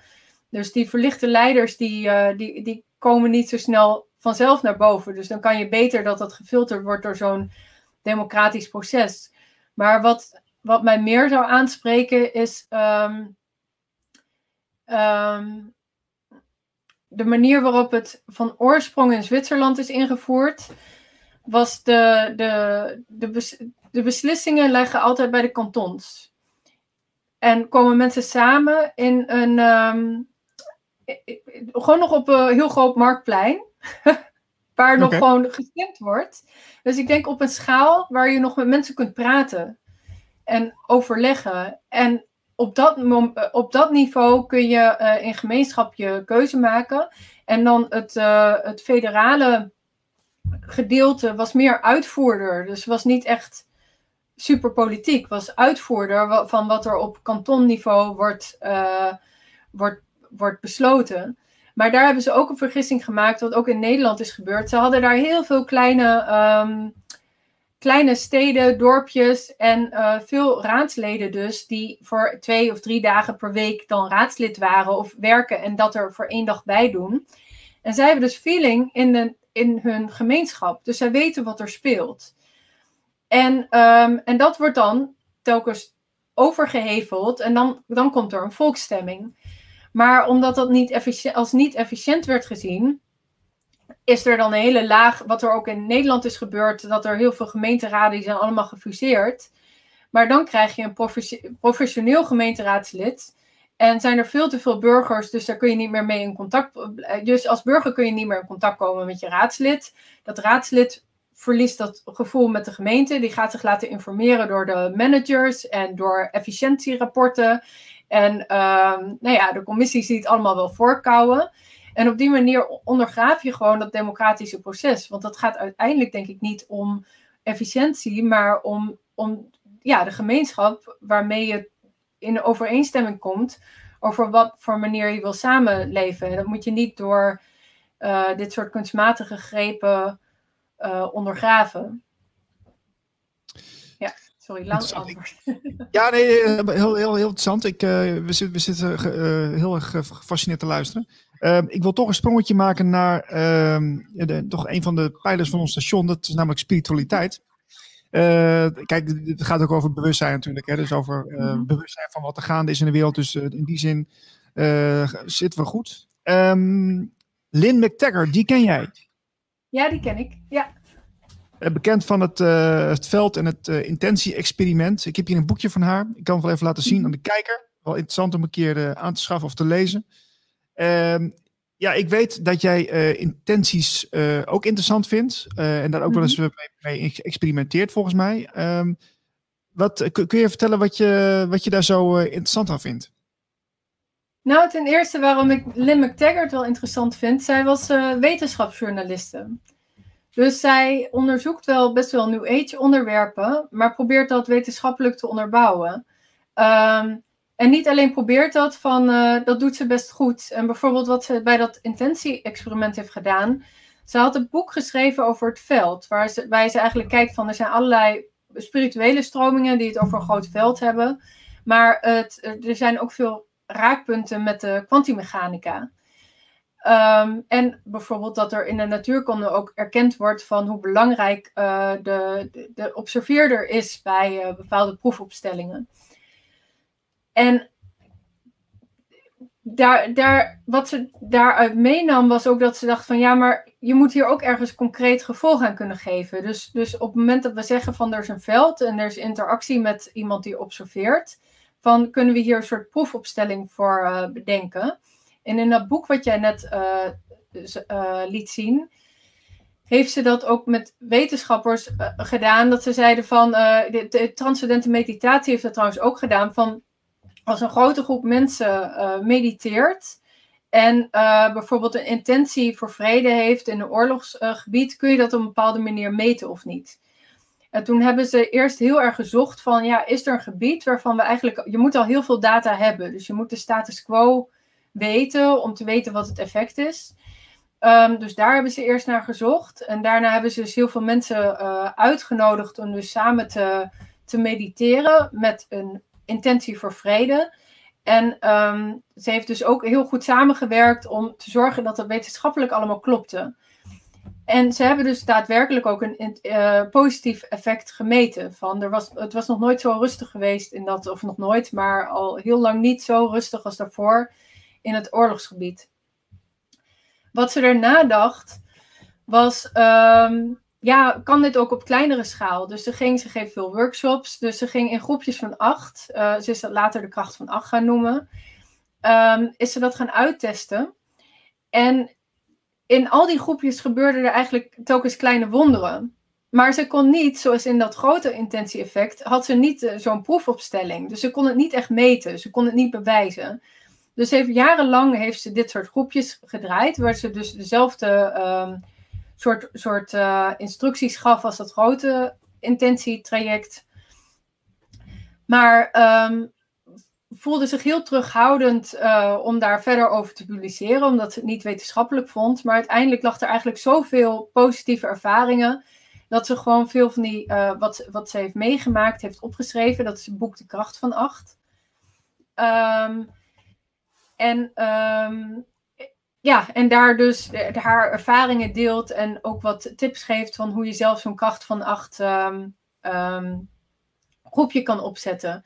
En eigenlijk zie ik het als een soort moderne manier van van bidden. Van, van bidden, stel ik, hoe dat vroeger werd verteld, was je iets van ja, je vraagt van alles aan God. Dus het is een beetje iets. Maar als je kijkt naar wat zij doet met dat intentie-effect, is dat je ten eerste dus, je maakt je, je lichaam rustig, je ademhaling. Dus je komt in een hele rustige staat.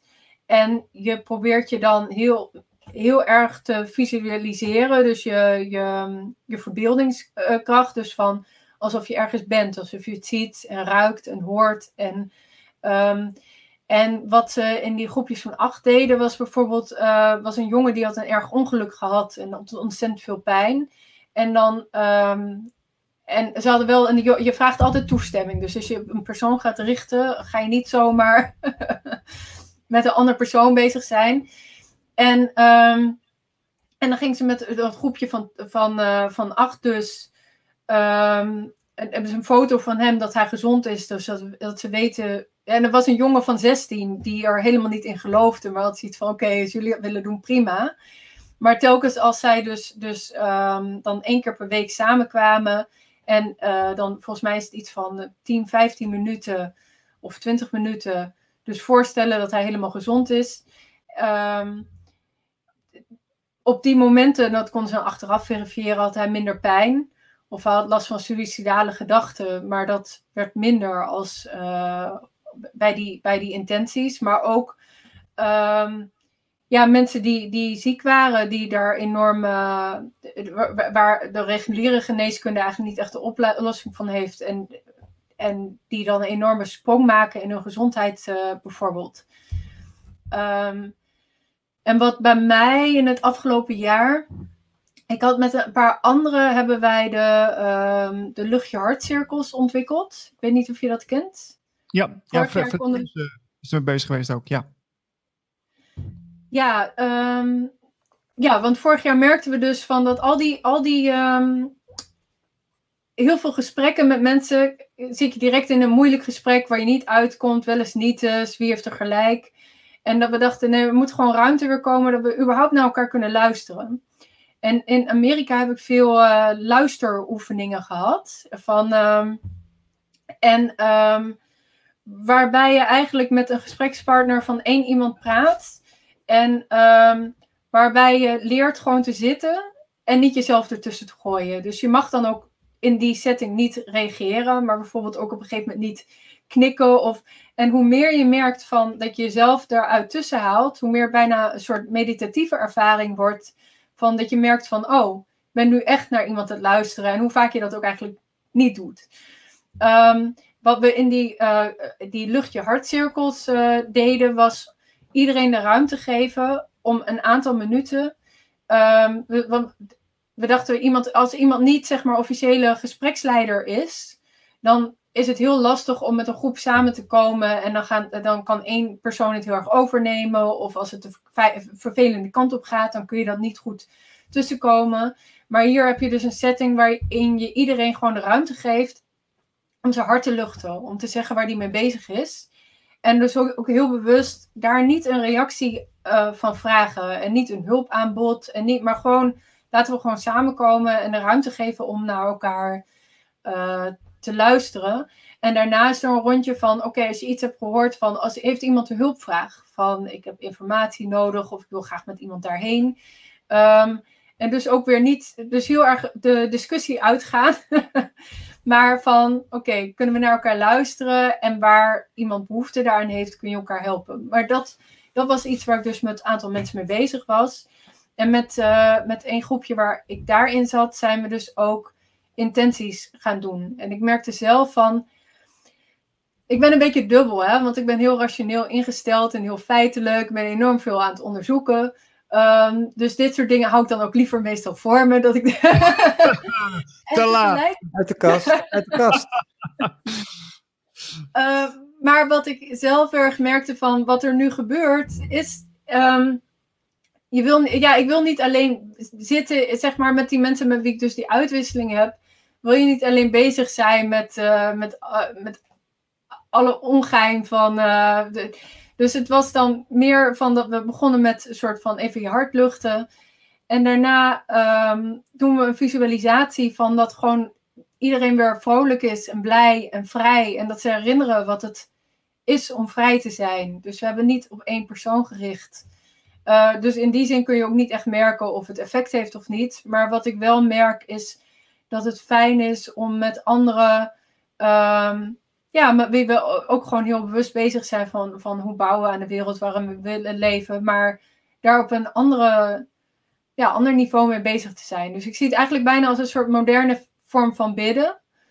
Um, en ik merk dat uh, um, het geeft altijd, ja, het geeft heel, het geeft, het, ik vind het heel prettig om dat met anderen te kunnen delen.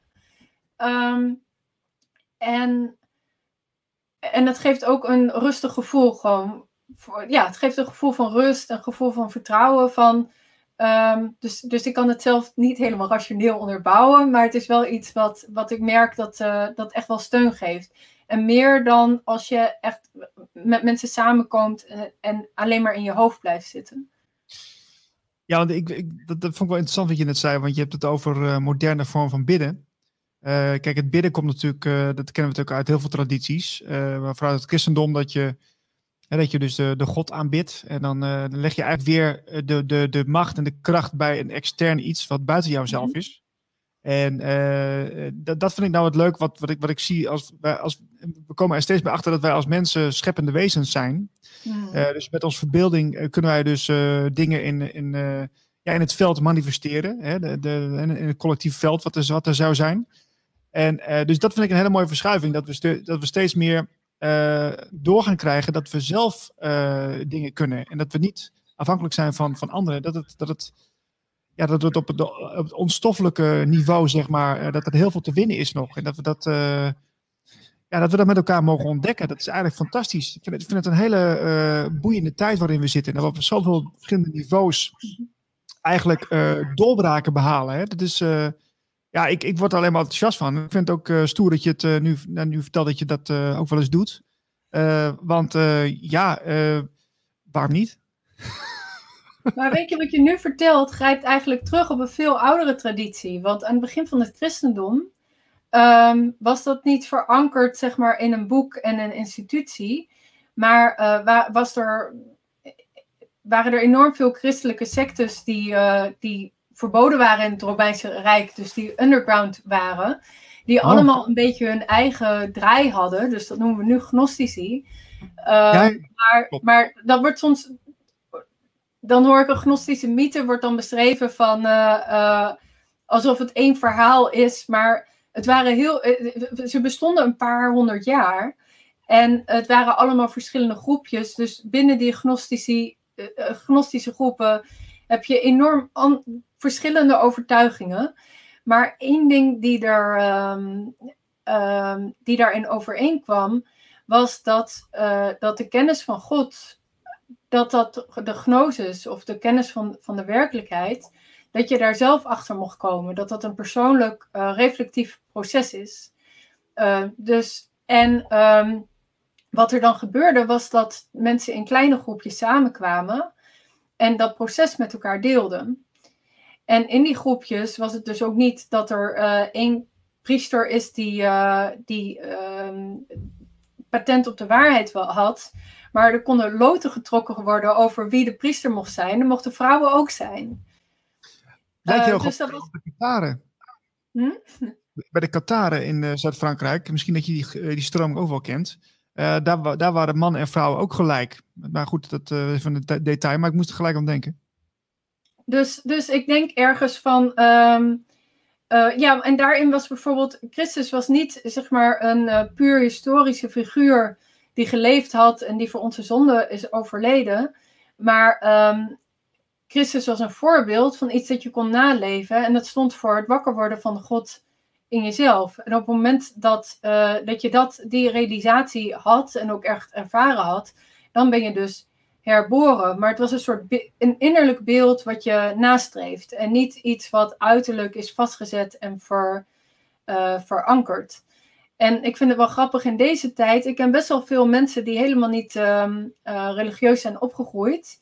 Maar die opeens heel erg met, met dat geloof bezig zijn. En ook heel letterlijk, zeg maar, niet met christendom van de katholieke kerk. Maar met Jezus als, als persoon of als energie of als soort van uh, eh, geest. Dus soms heb ik, ik heb zelf soms het idee alsof het bijna een soort ehm, een hernieuwing van het christendom is, van die eerst heel lang een uiterlijke weg is geweest, wat nu misschien wel een soort innerlijke weg wordt.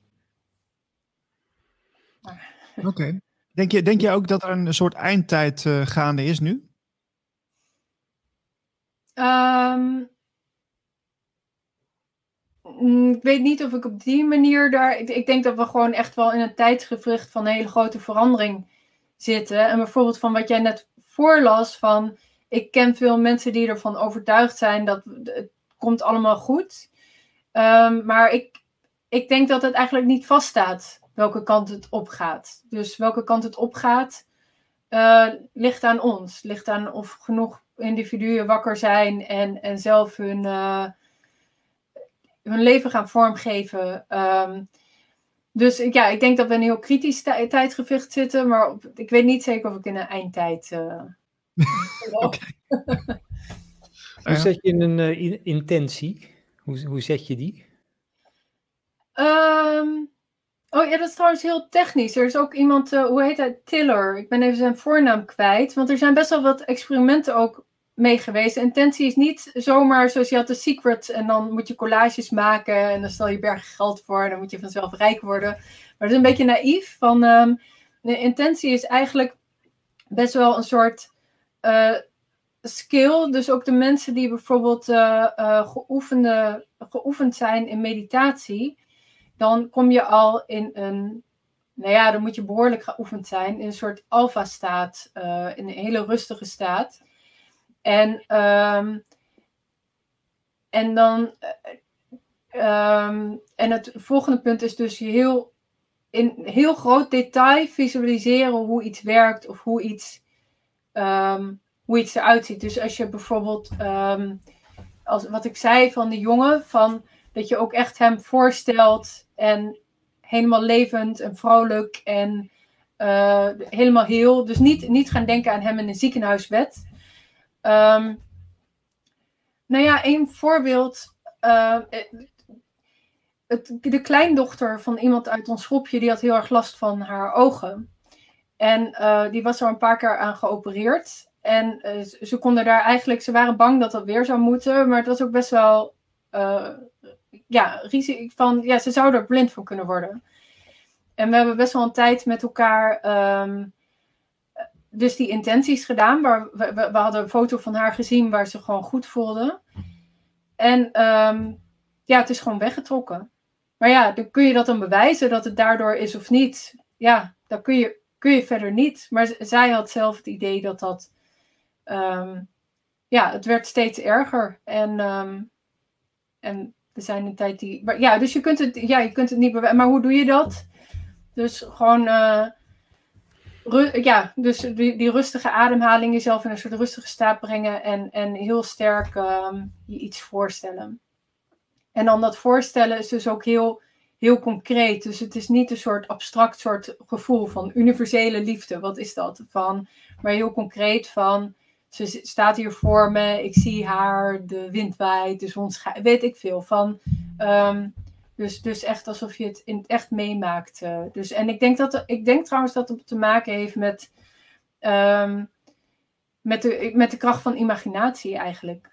Of een beetje een sprongetje. Van, dat ik vind dat zelf wel interessant. In binnen het Jungiaanse heb je actieve imaginatie. Dus dan ga je, ga je in gesprek met innerlijke beelden. Een soort, soort droom, ja, um, als je bijvoorbeeld een droom hebt gehad, dan neem je dat droombeeld voor je en dan ga je dat verder onderzoeken. Dus dat is iets, uh, ja, ook imaginatie uh, activeren. Maar ik las de interview van John Rappaport met Jack True. En Jack True was een uh, hypnotist, hoe noem je dat in Nederlands? Um, hypnose-therapeut. Hypnotherapeut, ja. Hij, hij vond, het, uh, hij vond het heel vervelend, want hij merkte van dat mensen in een soort passieve staat kwamen. Hij had zoiets van, nee, maar ik wil mensen juist in hun kracht zetten, helemaal niet passief. En wat hij op een gegeven moment ging doen, is dat, dat hij vroeg ze gewoon een beeld te nemen en dat heel erg te gaan onderzoeken, heel erg in detail. En hij deed dat een beetje intu intuïtief van wat het dan precies was. En ik vond dat wel interessant, omdat zelfs bijna alle therapeutische benaderingen nemen iets, die hebben al een voorafgaand plaatje waar het in moet passen. En zelfs Jungiaans van, dan is het je eigen droom, maar je gaat met je droom en je gaat die droom analyseren. Maar hij ging gewoon, pakte iets en liet die mensen dus gewoon iets voorstellen en steeds dieper, zeg maar, uh, detail ingaan. En wat er gebeurde was dat, uh, dat iemand zei: Ja, maar ik heb die plek uh, me voorgesteld. En ik dacht dat, dat het gewoon mijn, mijn, mijn ideeënwereld was. Maar nu was ik op reis en ik kwam gewoon op die plek die bestaat. Wow. en, en iemand anders die zei: van ja, ik geloof dat ik dit in een vorig leven heb meegemaakt. En hij liet zich er gewoon een beetje op de vlakte van ja, je kunt niet bewijzen van is dat wel of niet. Maar wat er eigenlijk, hij beschrijft heel veel uh, van die gevallen. En op een of andere manier, op het moment dus dat die verbeeldingskracht is aangewakkerd, verdwijnen klachten waarmee die mensen bij hem komen als sneeuw voor de zon. Dus wat jij eerder zei van, van, van van ja, zitten we nu op een punt waar we wakker worden van wat we zelf kunnen met die verbeeldingskracht. Ik, ik uh, ja, dat zou heel goed kunnen. Ik vond dat wel interessant. Dus, dus ja, hij heeft dus helemaal niet een vooraf opgezegd plaatje van uh, je moet een stappenplan wat je moet doorlopen of zelfs een Jungiaans perspectief. Maar puur gaat dat je, je verbeelden en uh, mensen gaan opeens weer mogelijkheden in hun leven zien. Maar ook bijvoorbeeld iemand die zijn reuk kwijt was en zijn reuk terugkrijgt. Ja, volgens reguliere geneeskunde kan dat natuurlijk helemaal niet. Maar. um, ja, dus... ik, ja, ik, ik, ik, wil even op doorgaan, want um, uh, kijk, we komen dus eigenlijk in deze periode erachter wat voor vermogens we eigenlijk, eigenlijk in, in ons dragen als mens. Hè? Je, je zou, zou kunnen spreken van een, een totale herziening van, van het mensdom. Uh, want, want als we daar massaal mee aan de slag gaan, dan, dan verandert er nogal wat. Uh, is, is, is dat dan niet zou dat misschien niet een, een, een, een van de redenen kunnen zijn dat de mensen die ons graag in de schaduw willen houden, dat, die, dat die daarom zo zulke onderdrukkende krachten op ons loslaten op dit moment? Zeker wel. Um, nou ja, ik denk wat er nu specifiek gebeurt is. Um, is misschien, ik denk gewoon ja, meer mundaan, van veel van de controle die wordt uitgeoefend, wordt uitgeoefend via het financieel systeem. En dat stond weer op klappen. En wat Catherine Austin Fitz daarover zegt, was van dat uh, dat, dat zo um, niet beheersbaar was dat de centrale bankiers eh, in 2019, volgens mij augustus, september, hebben besloten van we hebben dus een going direct reset nodig. En um, kort daarna is de coronacrisis afgekondigd. En ik hoop dat de luisteraars hier weten dat, dat er heel veel kunstmatig is aan de manier waarop deze, deze crisis is afgekondigd. Dus heel concreet van ons onder controle houden. Ik denk dat het te maken heeft met, met de overgang naar een nieuw geldsysteem. Want overal als een, nieuwe geldsysteem wat zij willen is digitaal. En wat je nu al ziet, ik, ja, gisteren was er bijvoorbeeld een aantal banken uh, niet meer willen bankieren met mensen die anders nadenken. Van, nou, met een digitaal systeem, uh, ja, ze zetten je uit het systeem en je kunt helemaal geen kant op. Dus, um, dus, dus ik denk, dat is heel concreet van wat er nu over het uitgerold wordt, is dat, ja, een controlesysteem. Maar over die imaginatiekrachten, wat wel interessant is. Kijk, dit zit natuurlijk een beetje in de zweefhoek en iedereen vindt het, of de meeste mensen vinden het vaag of wel een beetje interessant. En, uh, maar het is een onderwerp ja, nou ja, dan, het, is, het is al snel een beetje zweverig. Maar in Amerika. Het is die, niet uh, zweverig. Het is juist niet zweverig. Precies, maar die geheime diensten, die hebben er jarenlang enorm veel onderzoek naar gedaan. Naar de, ze hebben, uh, dat is dan uh, Russell Tark en Hal Puthoff, hoe heet het? Ze Remote viewing. Remote ja, ja. viewing. Ja, ja, ja. Ja, maar dat ging nog wel verder dan dat. Ze hebben, ze hebben, zijn binnen de CIA meerdere programma's geweest. Waarbij ze er ook achter komen dat eigenlijk bijna iedereen in de basis. Um, ja, ze hebben dus een specifieke term voor. Maar, maar eigenlijk dus wat wij, wij zien als, als. Bijvoorbeeld de remote viewing wordt dan gezien als iets heel apart. Maar bijna iedereen he, heeft dat soort vermogens. En niet zo goed als. Um, sommige mensen kunnen het heel goed. Maar iedereen met de juiste soort training kan in de basis uh, kan daar wat mee. Maar ehm, er werden ook andere dingen onderzocht, zoals telekinese of ehm, telepathie, de remote viewing. Nou, er zit een lijst. Het is eigenlijk de hele, hele lijst wat, wat dan vroeger bij Tineke's paranormale wereld kwam. Um, en maar, maar ja, nee, dat, dat is gewoon onderdeel van hun onderzoeksprojecten. en dan zit ik wel te denken, als ik binnen de universiteit, of misschien iemand die psychologie studeert, zegt van ja, ik wil die vermogens gaan, uh, gaan onderzoeken. Ik denk dat ze veel succes van, daar krijgen ze geen, uh, dat, dat is onderzoek wat dan niet wordt goedgekeurd. Dus in die zin zie ik het wel als, um, ja, het is een onderwerp waar, waar, waar je snel een beetje wordt zwart gemaakt of belachelijk gemaakt. Uh, en, en dan denken mensen, ja, dat kan niet. Terwijl dus binnen die intelligence eh, agencies dat enorm serieus wordt genomen en gewoon wordt ingezet.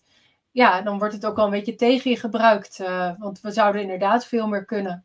Um, en ook in het onderwijssysteem, je, dat zei je eerder in dit gesprek. Um, weet je dat NASA had een test voor, um, voor creatieve en zeg maar geniale individuen. En voor de grap hebben ze die test laten doen door hele jonge kinderen. En wat bleek toen? jonge kinderen, eigenlijk 95% was geniaal in aanleg. Ze deden diezelfde test twee jaar later, nadat ze twee jaar op school hadden gezeten. Daarna zaten al die kinderen op het gemiddelde of onder het gemiddelde. En toen keek ze, hoe komt dat nou? Van voor creatief denken moet je heel vrij alle mogelijkheden kunnen verkennen. Uh, en juist niet in hokjes zitten. En wat uh, in ons onderwijs telkens gebeurt, is dat je mag wel mogelijkheden verkennen, maar er wordt eerst een hokje geschetst. En dan binnen dat hokje mag je de mogelijkheden verkennen. Maar binnen, binnen twee jaar heb je dus de genialiteit gewoon eruit uh, onderwezen. Um, ja, dus er zit wel veel in ons systeem wat ons een stuk beperkter maken dan, dan we eigenlijk zouden hoeven te zijn, denk ik. Ja, eigenlijk zorgen ze voor een, eh, voor een nog meer vernauwde blik van, van, van de werkelijkheid. Hè? Dat uh, conditioneren van, van allerlei overtuigingen en zo natuurlijk. Ja, het is. Um, heb, jij, ja, dat... heb jij wel eens iets gemanifesteerd? Met een intentie? Um... Of gaan we dan nu gaan we te veel naar de secret toe nu? Um... Nou, dat weet ik. Nou, toen ik stopte met mijn werk, was dat natuurlijk niet zo. Ja, dat was gewoon wat ik wist ook van. Ik moet ander werk gaan doen. En, um, en toen had ik wel zoiets van. Nee, ik ben niet heel letterlijk trouwens dit soort intenties gaan doen. Maar ik had wel een beeld van. soort van. Um, een soort vertrouwen van. Ik wist al veel langer dat ik hier iets mee wilde. En dan ook het vertrouwen van als ik hier gewoon heel hard voor werk, dan komen er ook wel bepaalde kansen op je pad. Um, dus ik weet niet of dat. Valt dat onder manifesteren? Of, dus dat is niet naïef van. Het gebeurt allemaal vanzelf. Dus wel. Ja, ik werk er wel heel hard aan. Maar ook wel met een bepaald soort vertrouwen dat op het moment dat je ergens energie in steekt, dat dingen gebeuren en zich gaan ontwikkelen. Ja, dat hebben Niels en ik hebben dat ook, hè? Dat het vooral allemaal terugkomt op vertrouwen eigenlijk. Gewoon het vertrouwen en dan, gaat, dan stroomt het. En dan gaat het eigenlijk een beetje vanzelf. Dan werk je wel hard, maar dan gaat het mhm. vanzelf ook. Ja, en dan doen dingen zich voor. En ik merk wel als je dan te veel probeert vast te pinnen, bijvoorbeeld, ja, het is trouwens nog steeds van, mijn idee was, ik ga workshops geven. Maar er komen allemaal andere dingen op pad die, die ook, en dus ik, heb, ik, daar, ik wil nog steeds meer met die workshops. Maar op dit moment nou ja, gaat het dan net een andere kant op. Dus dan heb ik ook niet zoiets van heel kunstmatig van daar blijf ik me dan in, in vastbijten. Dus, dus ook een soort met de stroom meegaan. Ja. Ja. Ja, vertrouwen, dat is toch een dingetje. Dus uh, om dat ook te durven, want ik ben ook heel, heel bewust uit, dat, uh, uit mijn loondienst gestapt. En uh, dan denk je ook van ja, eerst van, nou ja, moet ik het wat doen, moet ik het niet doen, moet ik het wel doen. Maar op een gegeven moment kwam ik in, in zo'n gesprek met mijn leidinggevende. En ja, toen, dus, ik heb dat soms met gesprekken dat ik dan, uh, als, het, als er zo'n bijzonder moment aandient, zo'n belangrijk gesprek, eh, dat ik ga zeggen van nou, ik ga stoppen.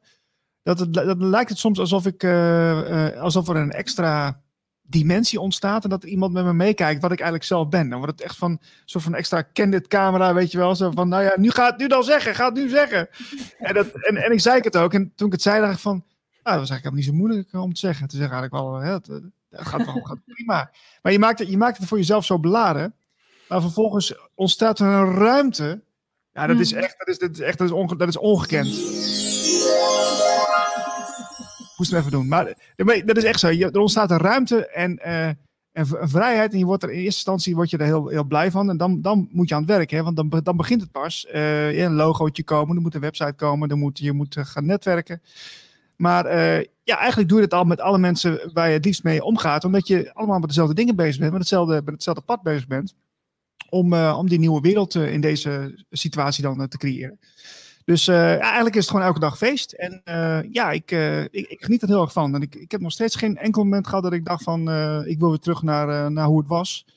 Ehm, maar ja, maar goed. Ik, ik snap dat het voor iedereen lastig is. Omdat iedereen in zijn eigen... ja, complexe situatie zit. En dat is, dat is niet altijd even, even makkelijk, maar uh, ja. Wat, wat, Elsie, jij bent heel erg met uh, Jung ook uh, bezig. En dat, die naam die valt uh, af en toe eens ook in deze, wat is het, in deze serie. Mm -hmm. Wat kunnen we van Jung leren nu in deze tijd? Oh, nou, hoe lang heb je nog? ja, ik dacht, we hebben nog 20 minuten, dus dat nee, moet, nee, moet ja, nee. zijn. Um, kijk, Jong, Jong heeft, hij, in, het is een psycholoog, maar hij kijkt heel erg naar, uh, naar de binnenwereld. Dus daardoor wordt hij vaak als een beetje mystiek gezien. Terwijl ik het daar niet helemaal mee eens ben, want hij kijkt daar eigenlijk heel empirisch naar. Waar, waar bijvoorbeeld uh, het zusje van een vriendin van mij is schizofreen. En zij heeft in al die tijd dat ze hier in de GGZ rondloopt, heeft nog niemand naar haar stemmen gevraagd. Dat is echt een periode van 15 jaar. Hè? Ja, wacht, laten we daar maar niet over. Maar wat Jong deed, van, van volgens mij was hij toen net zijn studie uit. Maar hij kwam dus echt op een, op een afdeling waar al die mensen dus, nou ja, echt een afdeling met allemaal mensen die niet meer kunnen functioneren in de samenleving. Maar hij ging met die mensen praten, want wat gaat er in hun om? Um, en ook wat gaat er in die innerlijke wereld om? En hij verkende dat bij zichzelf ook. Dus dan krijg je wel bepaalde termen van wat hij in die binnenwereld ontdekt. Maar dat is niet dat hij zegt van, um, oh dat zit er allemaal. Maar het is meer van wat hij geobserveerd heeft door eindeloos uh, mensen in therapie te hebben en bij zichzelf zijn dromen te observeren. Dat hij eigenlijk een soort topografie van het droomlandschap geeft. Um, zonder dat dat helemaal vaststelt, staat. Is, die, is, die, is dat droomlandschap, is dat de shadow of is dat weer wat anders? Uh, nee, het is veel meer. Hij, hij zegt eigenlijk bijna wiskundig, of bijna wiskundig, van je hebt een bewustzijn. Hij noemt dat het ego. Dat is soms een beetje verwarrend, want dat is niet wat wij ego als egocentrisch. Maar ego als je centrum van bewustzijn, van een soort veld van bewustzijn. En dat is wat zich nu in je omgeving bevindt. Dus ik zit hier in een kamer en maar het is ook uh, bewustzijn van je binnenwereld. Daarbuiten is het onbewustzijn. Dus dat is gewoon heel letterlijk alles waar je niet bewust van bent. En daar zit alles in. Dus, dus wat anderen misschien als hoger of lager, of, um, maar dat is waar je niet bewust van bent. En um, hoe, hoe hij dat ziet is van, van in je leven ontwikkel je zelf je individualiteit, het individuatieproces door dat veld van bewustzijn ruimer te maken. En het eerste wat je dan tegenkomt is je persoonlijke schaduw. Dus in je persoonlijke schaduw is alles in je eigen veld, in je eigen persoon, waar je niet bewust van bent. En het hoeft dus niet per se negatief te zijn. Het kunnen ook bijvoorbeeld, misschien heb je wel hele eh, eh, prachtige talenten. En je ziet iemand anders dat doet, bijvoorbeeld organisatietalenten. Denk, oh, die kan dat zo goed organiseren. En dan kijk je dan heel erg tegenop. Terwijl je van jezelf helemaal niet door hebt dat dat iets is wat jij ook zou kunnen. Dan is dat iets wat in jouw schaduw zit. Maar je schaduw kan ook zijn je jaloezie, je hebzucht, je, nou ja, alle on, onaardigheid. Um, maar hoe meer je dus, dus en daar, daar zijn bepaalde technieken voor, zicht krijgt op je eigen schaduw, hoe meer, meer je dat niet op je omgeving gaat projecteren. Dus um, dus dat wordt, wordt schaduwwerk genoemd. Ehm, dus bijvoorbeeld op het moment dat je dus vindt, alleen maar ziet wat je buren allemaal fout doen, dat is, dan ben je dus je schaduw aan het projecteren. Dus je kunt beter denken aan van oké, welk stuk van mezelf kan ik aan werken? En daarom zegt hij uiteindelijk heeft dus dat proces waaraan je zelf werkt enorme maatschappelijke consequenties. Omdat op het moment dat we kwaad alleen maar buiten in onszelf zien en dat moeten bevechten, zoals we moeten nu een virus buiten bevechten, we moeten mensen die zich niet aan de regels houden bevechten. Maar uiteindelijk kom je in een soort oorlogssituatie van, van uh, Um, want dat is bijvoorbeeld, ik, ik viel me op bij sommige oorlogscorrespondenten, is dat ze zeiden van op het moment dat mensen de ander, de buurman, niet meer zien als een persoon, maar als het kwaad, zeg maar, de vijand, dan wordt het een soort abstractie. Dat is het moment dat er de oorlog uitbreekt, of burgeroorlog. Terwijl op het moment dat jij heel erg je eigen proces aangaat en weet dat alle menselijke zwakheden ook aan jezelf toe behoren, dan ben je veel minder scherp en veroordelend richting je, je buren. Dus, dus dat eigen proces aangaan is super belangrijk, heeft in die zin ook maatschappelijke consequenties. Wat Jung verder erg benoemde, was dat hij zei van ja, heel veel mensen hebben hun, um, hun jeugdproblematiek. Van probleem met hun vader, hun moeder.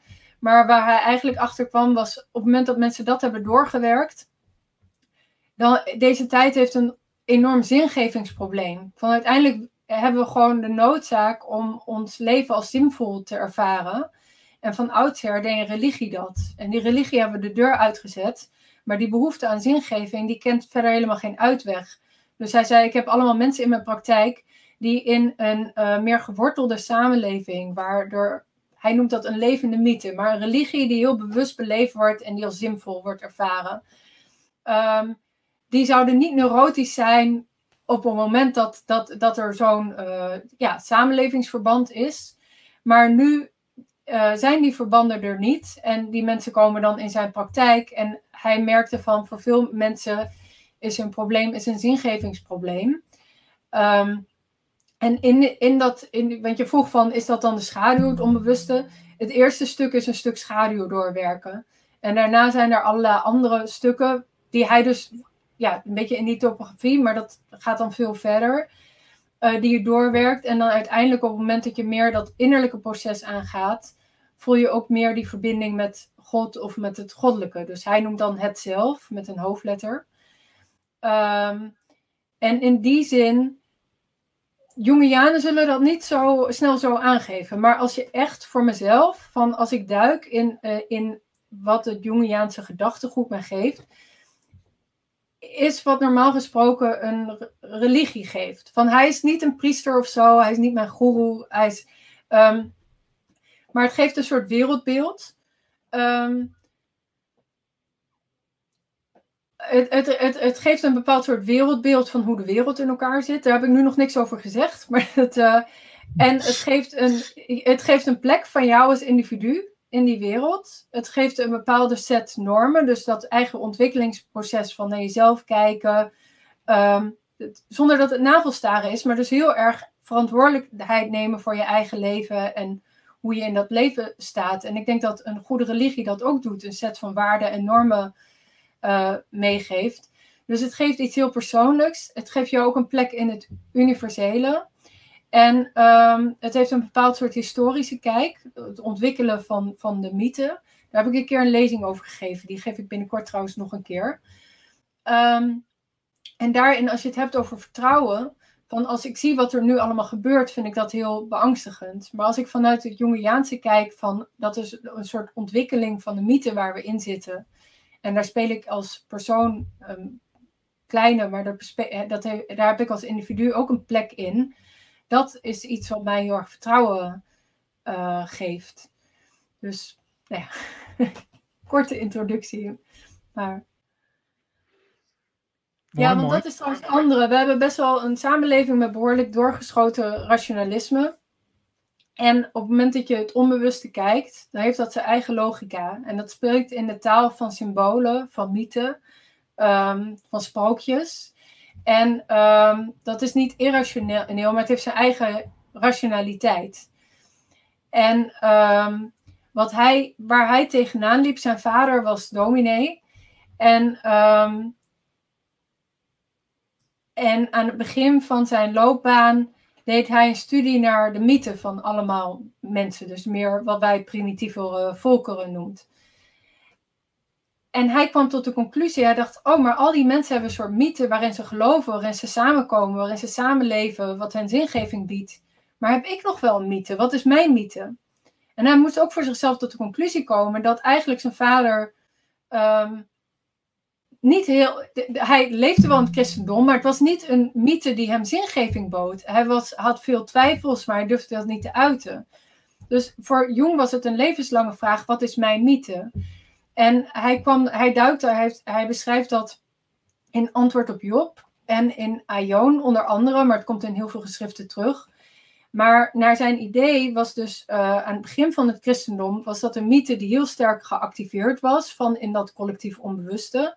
Daarom geloven heel veel mensen dat, daarom leven heel veel mensen dat. Dat is iets wat uh, heel sterk naar voren komt. Maar daarna werd het verankerd in een institutie en heeft zich dat niet verder ontwikkeld. En dan heb je wel alle rituelen, maar niet meer, steeds minder hebben die rituelen betekenis of zin. Um, dus, en doordat dus die, die mythe niet meer informeerde, zijn mensen daardoor een beetje losgeraakt. En hij zei dat dat zorgt voor veel problemen van deze tijd, omdat we uiteindelijk dat stuk zingeving uh, nodig hebben. Dus, dus ik denk dat het tijdsgevricht waar we nu in zitten, heeft veel erg te maken ook met die, hoe hij de ontwikkeling van die mythe beschrijft. Um, ik weet niet, ja, wat ik zeg het nu heel kort, dus ik weet niet of ik nu hele rare dingen, dingen zeg. Uh, Helemaal niet. Yeah. Ik was er even benieuwd of jij ook zelf, uh, heb jij dagelijkse uh, terugkerende rituelen? Um, nee, niet heel erg eigenlijk. Wel, ik heb wel veel, um, ik heb geen tv. ik ook dus, niet. Ik, ook um, dus ik heb altijd wel, zeg maar, s'avonds van heb ik mijn rustmoment. Van dat ik even niet bezig ben met, uh, met lezen en computer en werk. Van, um, ja.